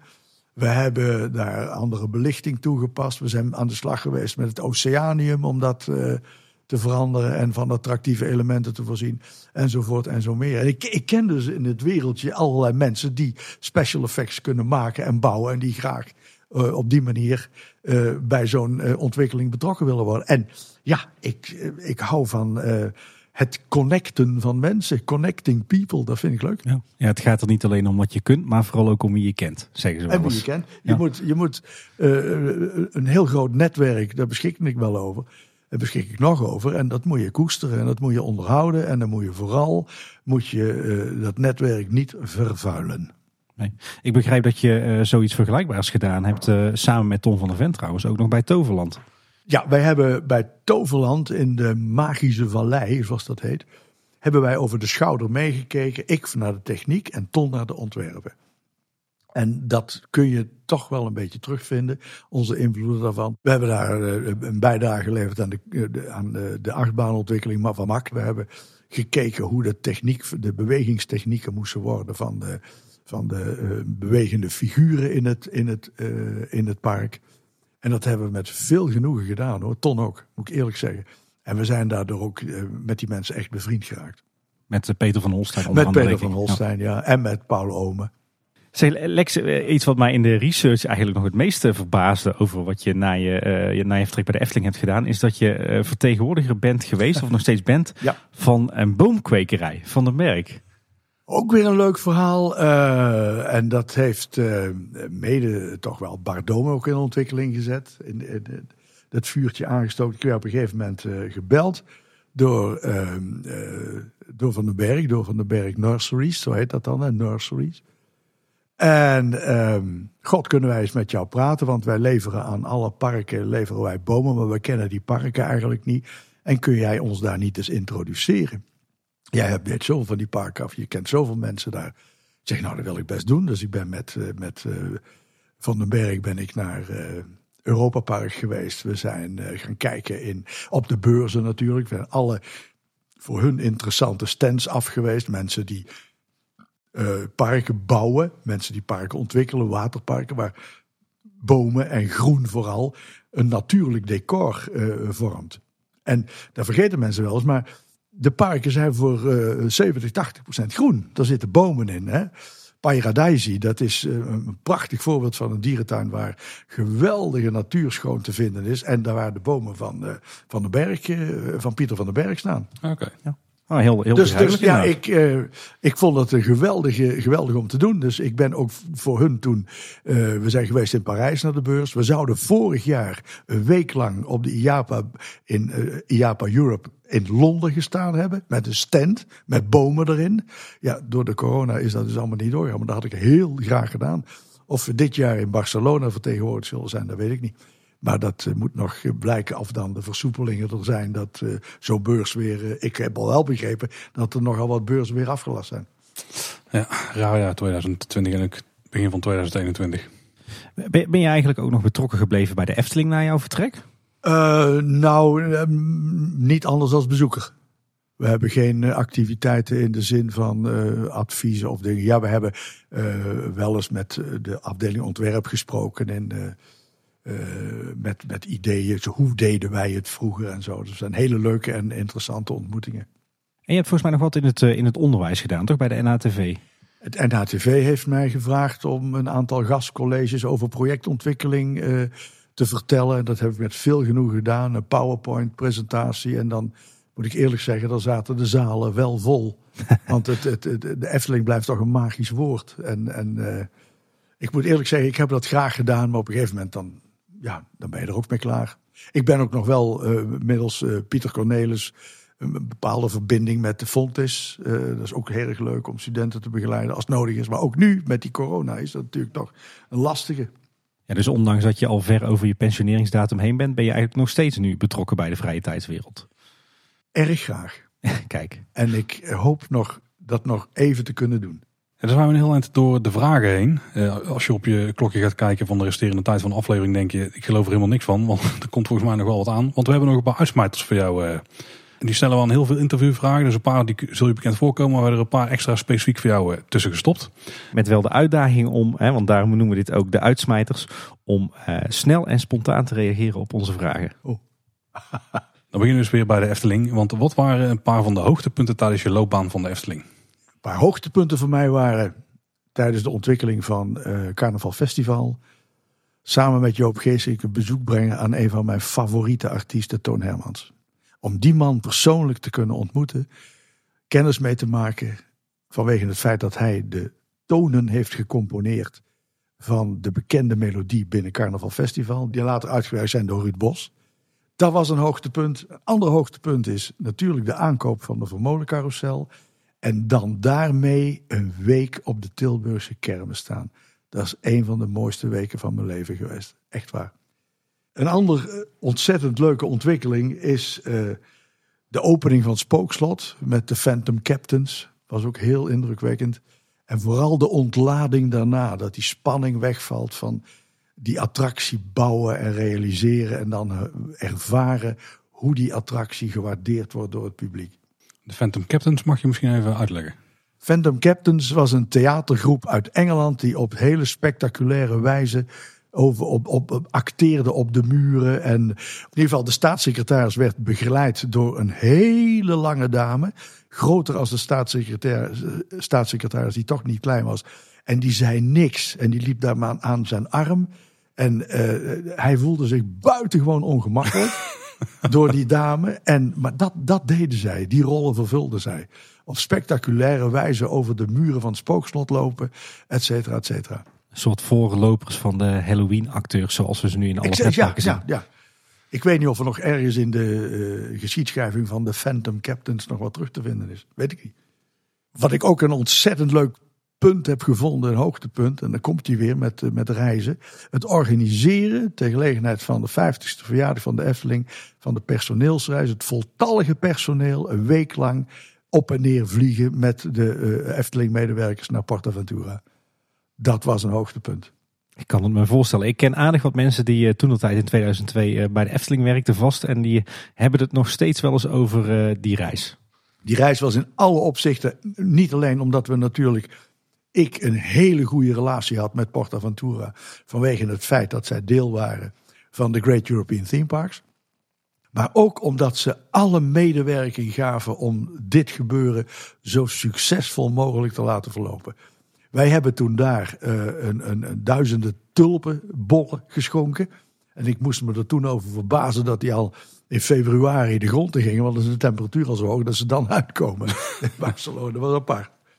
En ja, het, ook een, een, een, dat was dus een, een, een belangrijk een hoogtepunt, het organiseren van die reis. Maar ook bijvoorbeeld het organiseren van de reis uh, met het bestuur en de Raad van Commissarissen naar Amerika. Dat was ook een, een, een, heel aangrijpend ding voor mij. Ik maakte ook altijd van die boekjes waarin de hele reis beschreven stond. Ik zie meer liggen, USA staat erop. Ja, dat is heel erg leuk. En, en, en ook weer zoiets uh, bij de ontwikkeling van de trollenkoning. Ja, heb ik, dat vind ik ook weer zo'n leuke ontwikkeling. Die trollenkoning die moest een hoofd krijgen, een ontwerp van Ton. En ik denk, nou, als er nou toch mensen zijn die prachtige karikaturen kunnen maken, dan is het toch wel Spitting Image. Dus dan bel je Spitting Image op. Je raakt ermee aan de praat. En zij gaan dat, die kop maken. Nou, dat mag je naar Spitting Image toe. Destijds was Spitting Image op de televisie een begrip. Met de karikaturen van de pauze van Gorbachev en van uh, uh, alle presidenten. Van, uh, nou, dat, dat vond ik ook weer zo'n hoogtepunt. En tegenover hoogtepunten staan natuurlijk ook dieptepunten. Ja. Zijn er daar een aantal noemenswaardig van wat jou betreft? Ja, ik, er, staan me nog wel wat dingetjes bij. Natuurlijk, de, de, het niet kunnen openen van, van droomvlucht is, een, is natuurlijk een, een, een ding. Het, het gevoel hebben dat je op een gegeven moment uh, overbodig bent, omdat je als hoofdpark een ander naast je krijgt staan die zegt van ja, maar ik heb zoveel uh, hoofden niet nodig. Dus dan, dan, dan voel je je toch een beetje ongemakkelijk. Dat vond ik een lastige. Uh, het overschrijden, budgetair overschrijden en het ongelooflijk op je kloten krijgen van bij de overschrijding van de Trollenkoning. Dat was natuurlijk een ding wat, wat, wat vele malen te duur is. wat zo niet bedoeld was. Maar goed, het, het, het, het gebeurde. Het overkomt je. Lex, als je terugkijkt op, op al die jaren bij de Efteling, wat, wat heb je dan geleerd van je tijd bij, uh, bij het park? Uh, vindingrijkheid, inventiviteit, dat is eigenlijk hetzelfde. Ik, ik heb de ervaring dat ik onder, als je onder hoge druk staat, dat, je dan, dat ik dan de beste ideeën krijg en kan ontwikkelen. En het ontwikkelen van nieuwe dingetjes, het, het, het, het, uh, ja, dat, dat, dat, dat triggert me. En ook een vraag die we altijd graag stellen. Eh, je hebt met een hoop mensen samengewerkt bij de Efteling. Ik bedoel, Lexus de grote verbinder hebben we inmiddels al wel geleerd. En wat waren nou een paar van jouw meest gewaardeerde collega's? Mensen waar je echt uh, Ja, het is moeilijk om, om, om, om, om... We hebben altijd als team kunnen werken. En in zo'n team, dan moet het klikken. En met die mensen klikte het. Dat was wel bij de technische dienst als met ontwerpen, met Ton, met uh, Jan Verhoeven. We vormden zo'n zo'n clubje wat... Uh, op de, in de ochtend om uh, kwart over negen bij elkaar kwam en dan de dingen bespraken. Die, en daar ontstonden de meest briljante ideeën af en toe. Dat is zo'n sparringmoment dat je, ja, dat, een warm bad, uh, elke dag, elke dag. Hoe was het eigenlijk om met, met Ton van de Ven uh, samen te werken? Want we zeiden aan het begin van het eerste deel van ons interview met jou al dat, dat jij uh, altijd uh, een van onze jeugdhelden bent geweest, Lex. Maar Ton van, de Ven, Ton van de Ven was dat absoluut ook. Ja, tuurlijk, tuurlijk. We kunnen hem helaas niet meer spreken. Oh, anders hadden we dat graag gedaan. Maar hoe was het nou met Ton samen te werken? Ja, dat was heerlijk.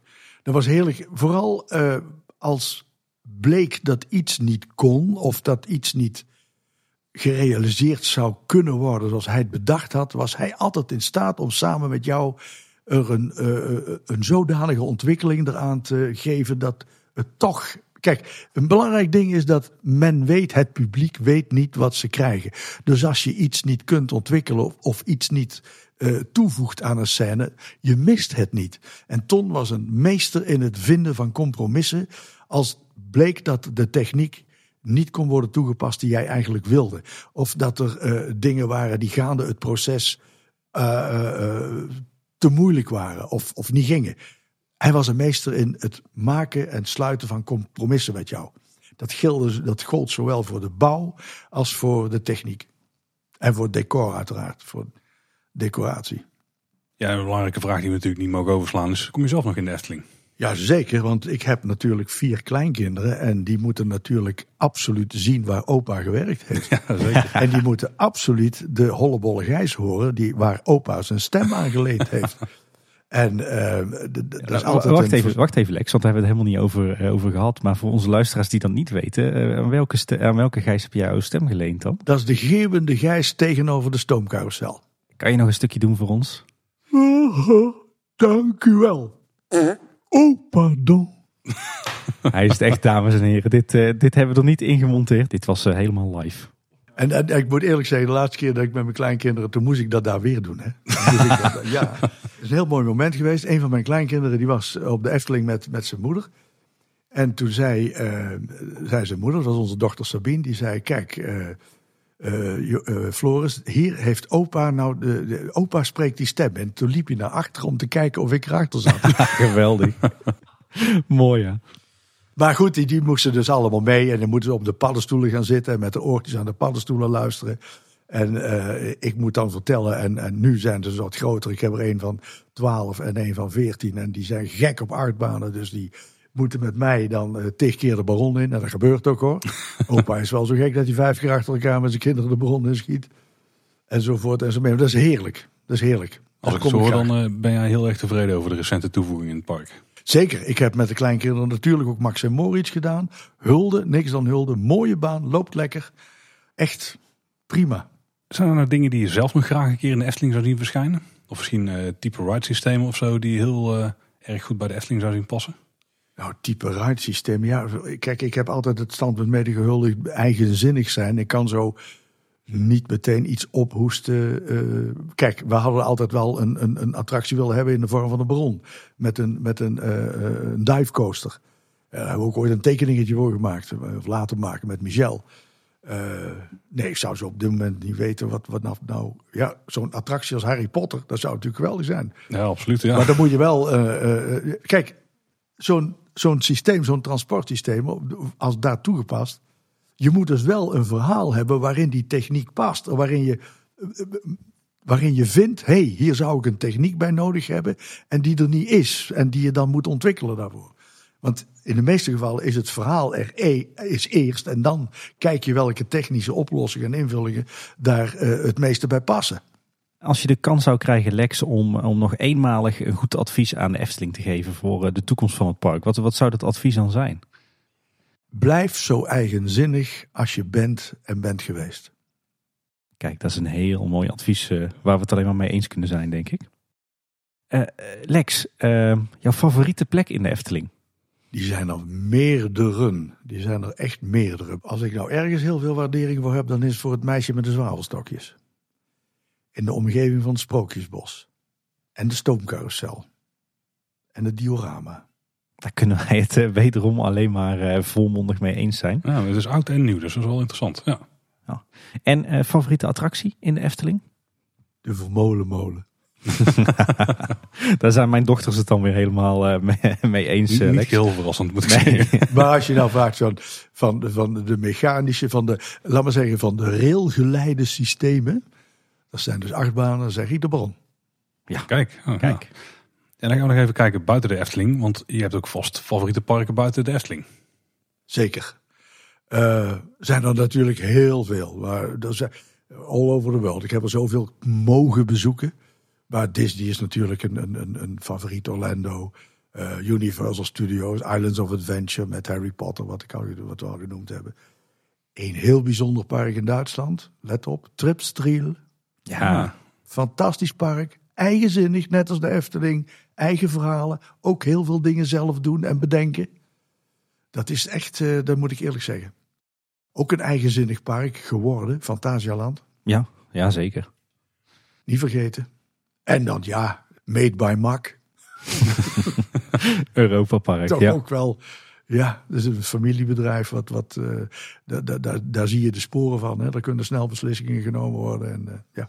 Daarover gesproken trouwens, die, die vraag had een van onze redactieleden nog. Um, als je parken die gerund worden door families, dus zeg maar familiebedrijven, afzet tegen zelfstandige parken of parken van, van grotere concerns, van parkengroepen, waar gaat dan jouw voorkeur naar uit? Ja, kijk, een, een, een familypark zoals Tripstriel en Europa Park en Fantasialand ook.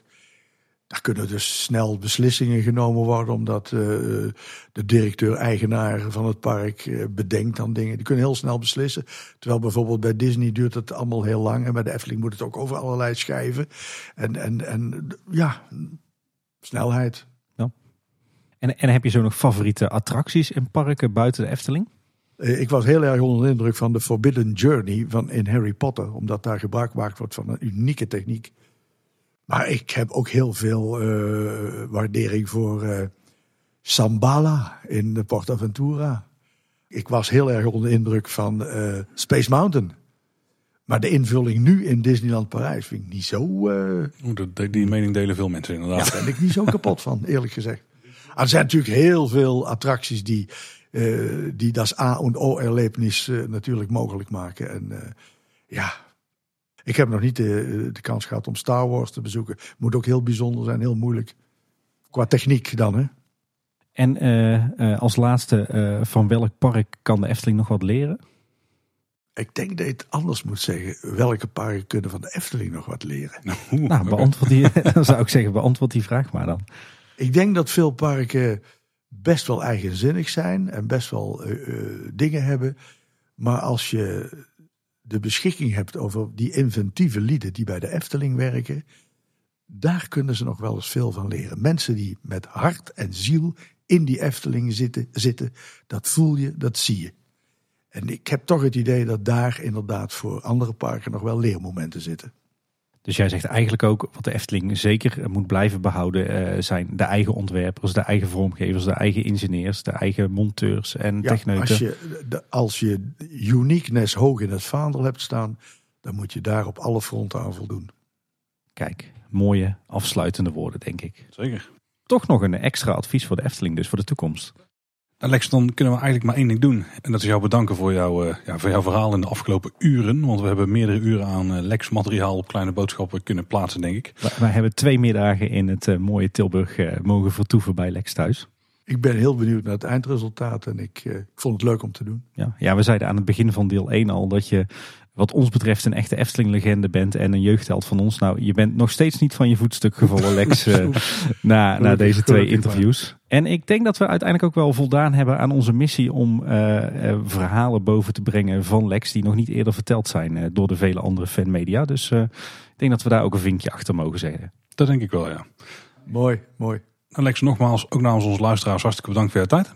Heel erg hartelijk dank voor uh, jullie komst hier en ik heb er heel graag aan mee gewerkt. Ja, ontzettend bedankt voor je gastvrijheid en voor je openhartigheid, Lex. Uh, dat waarderen we enorm.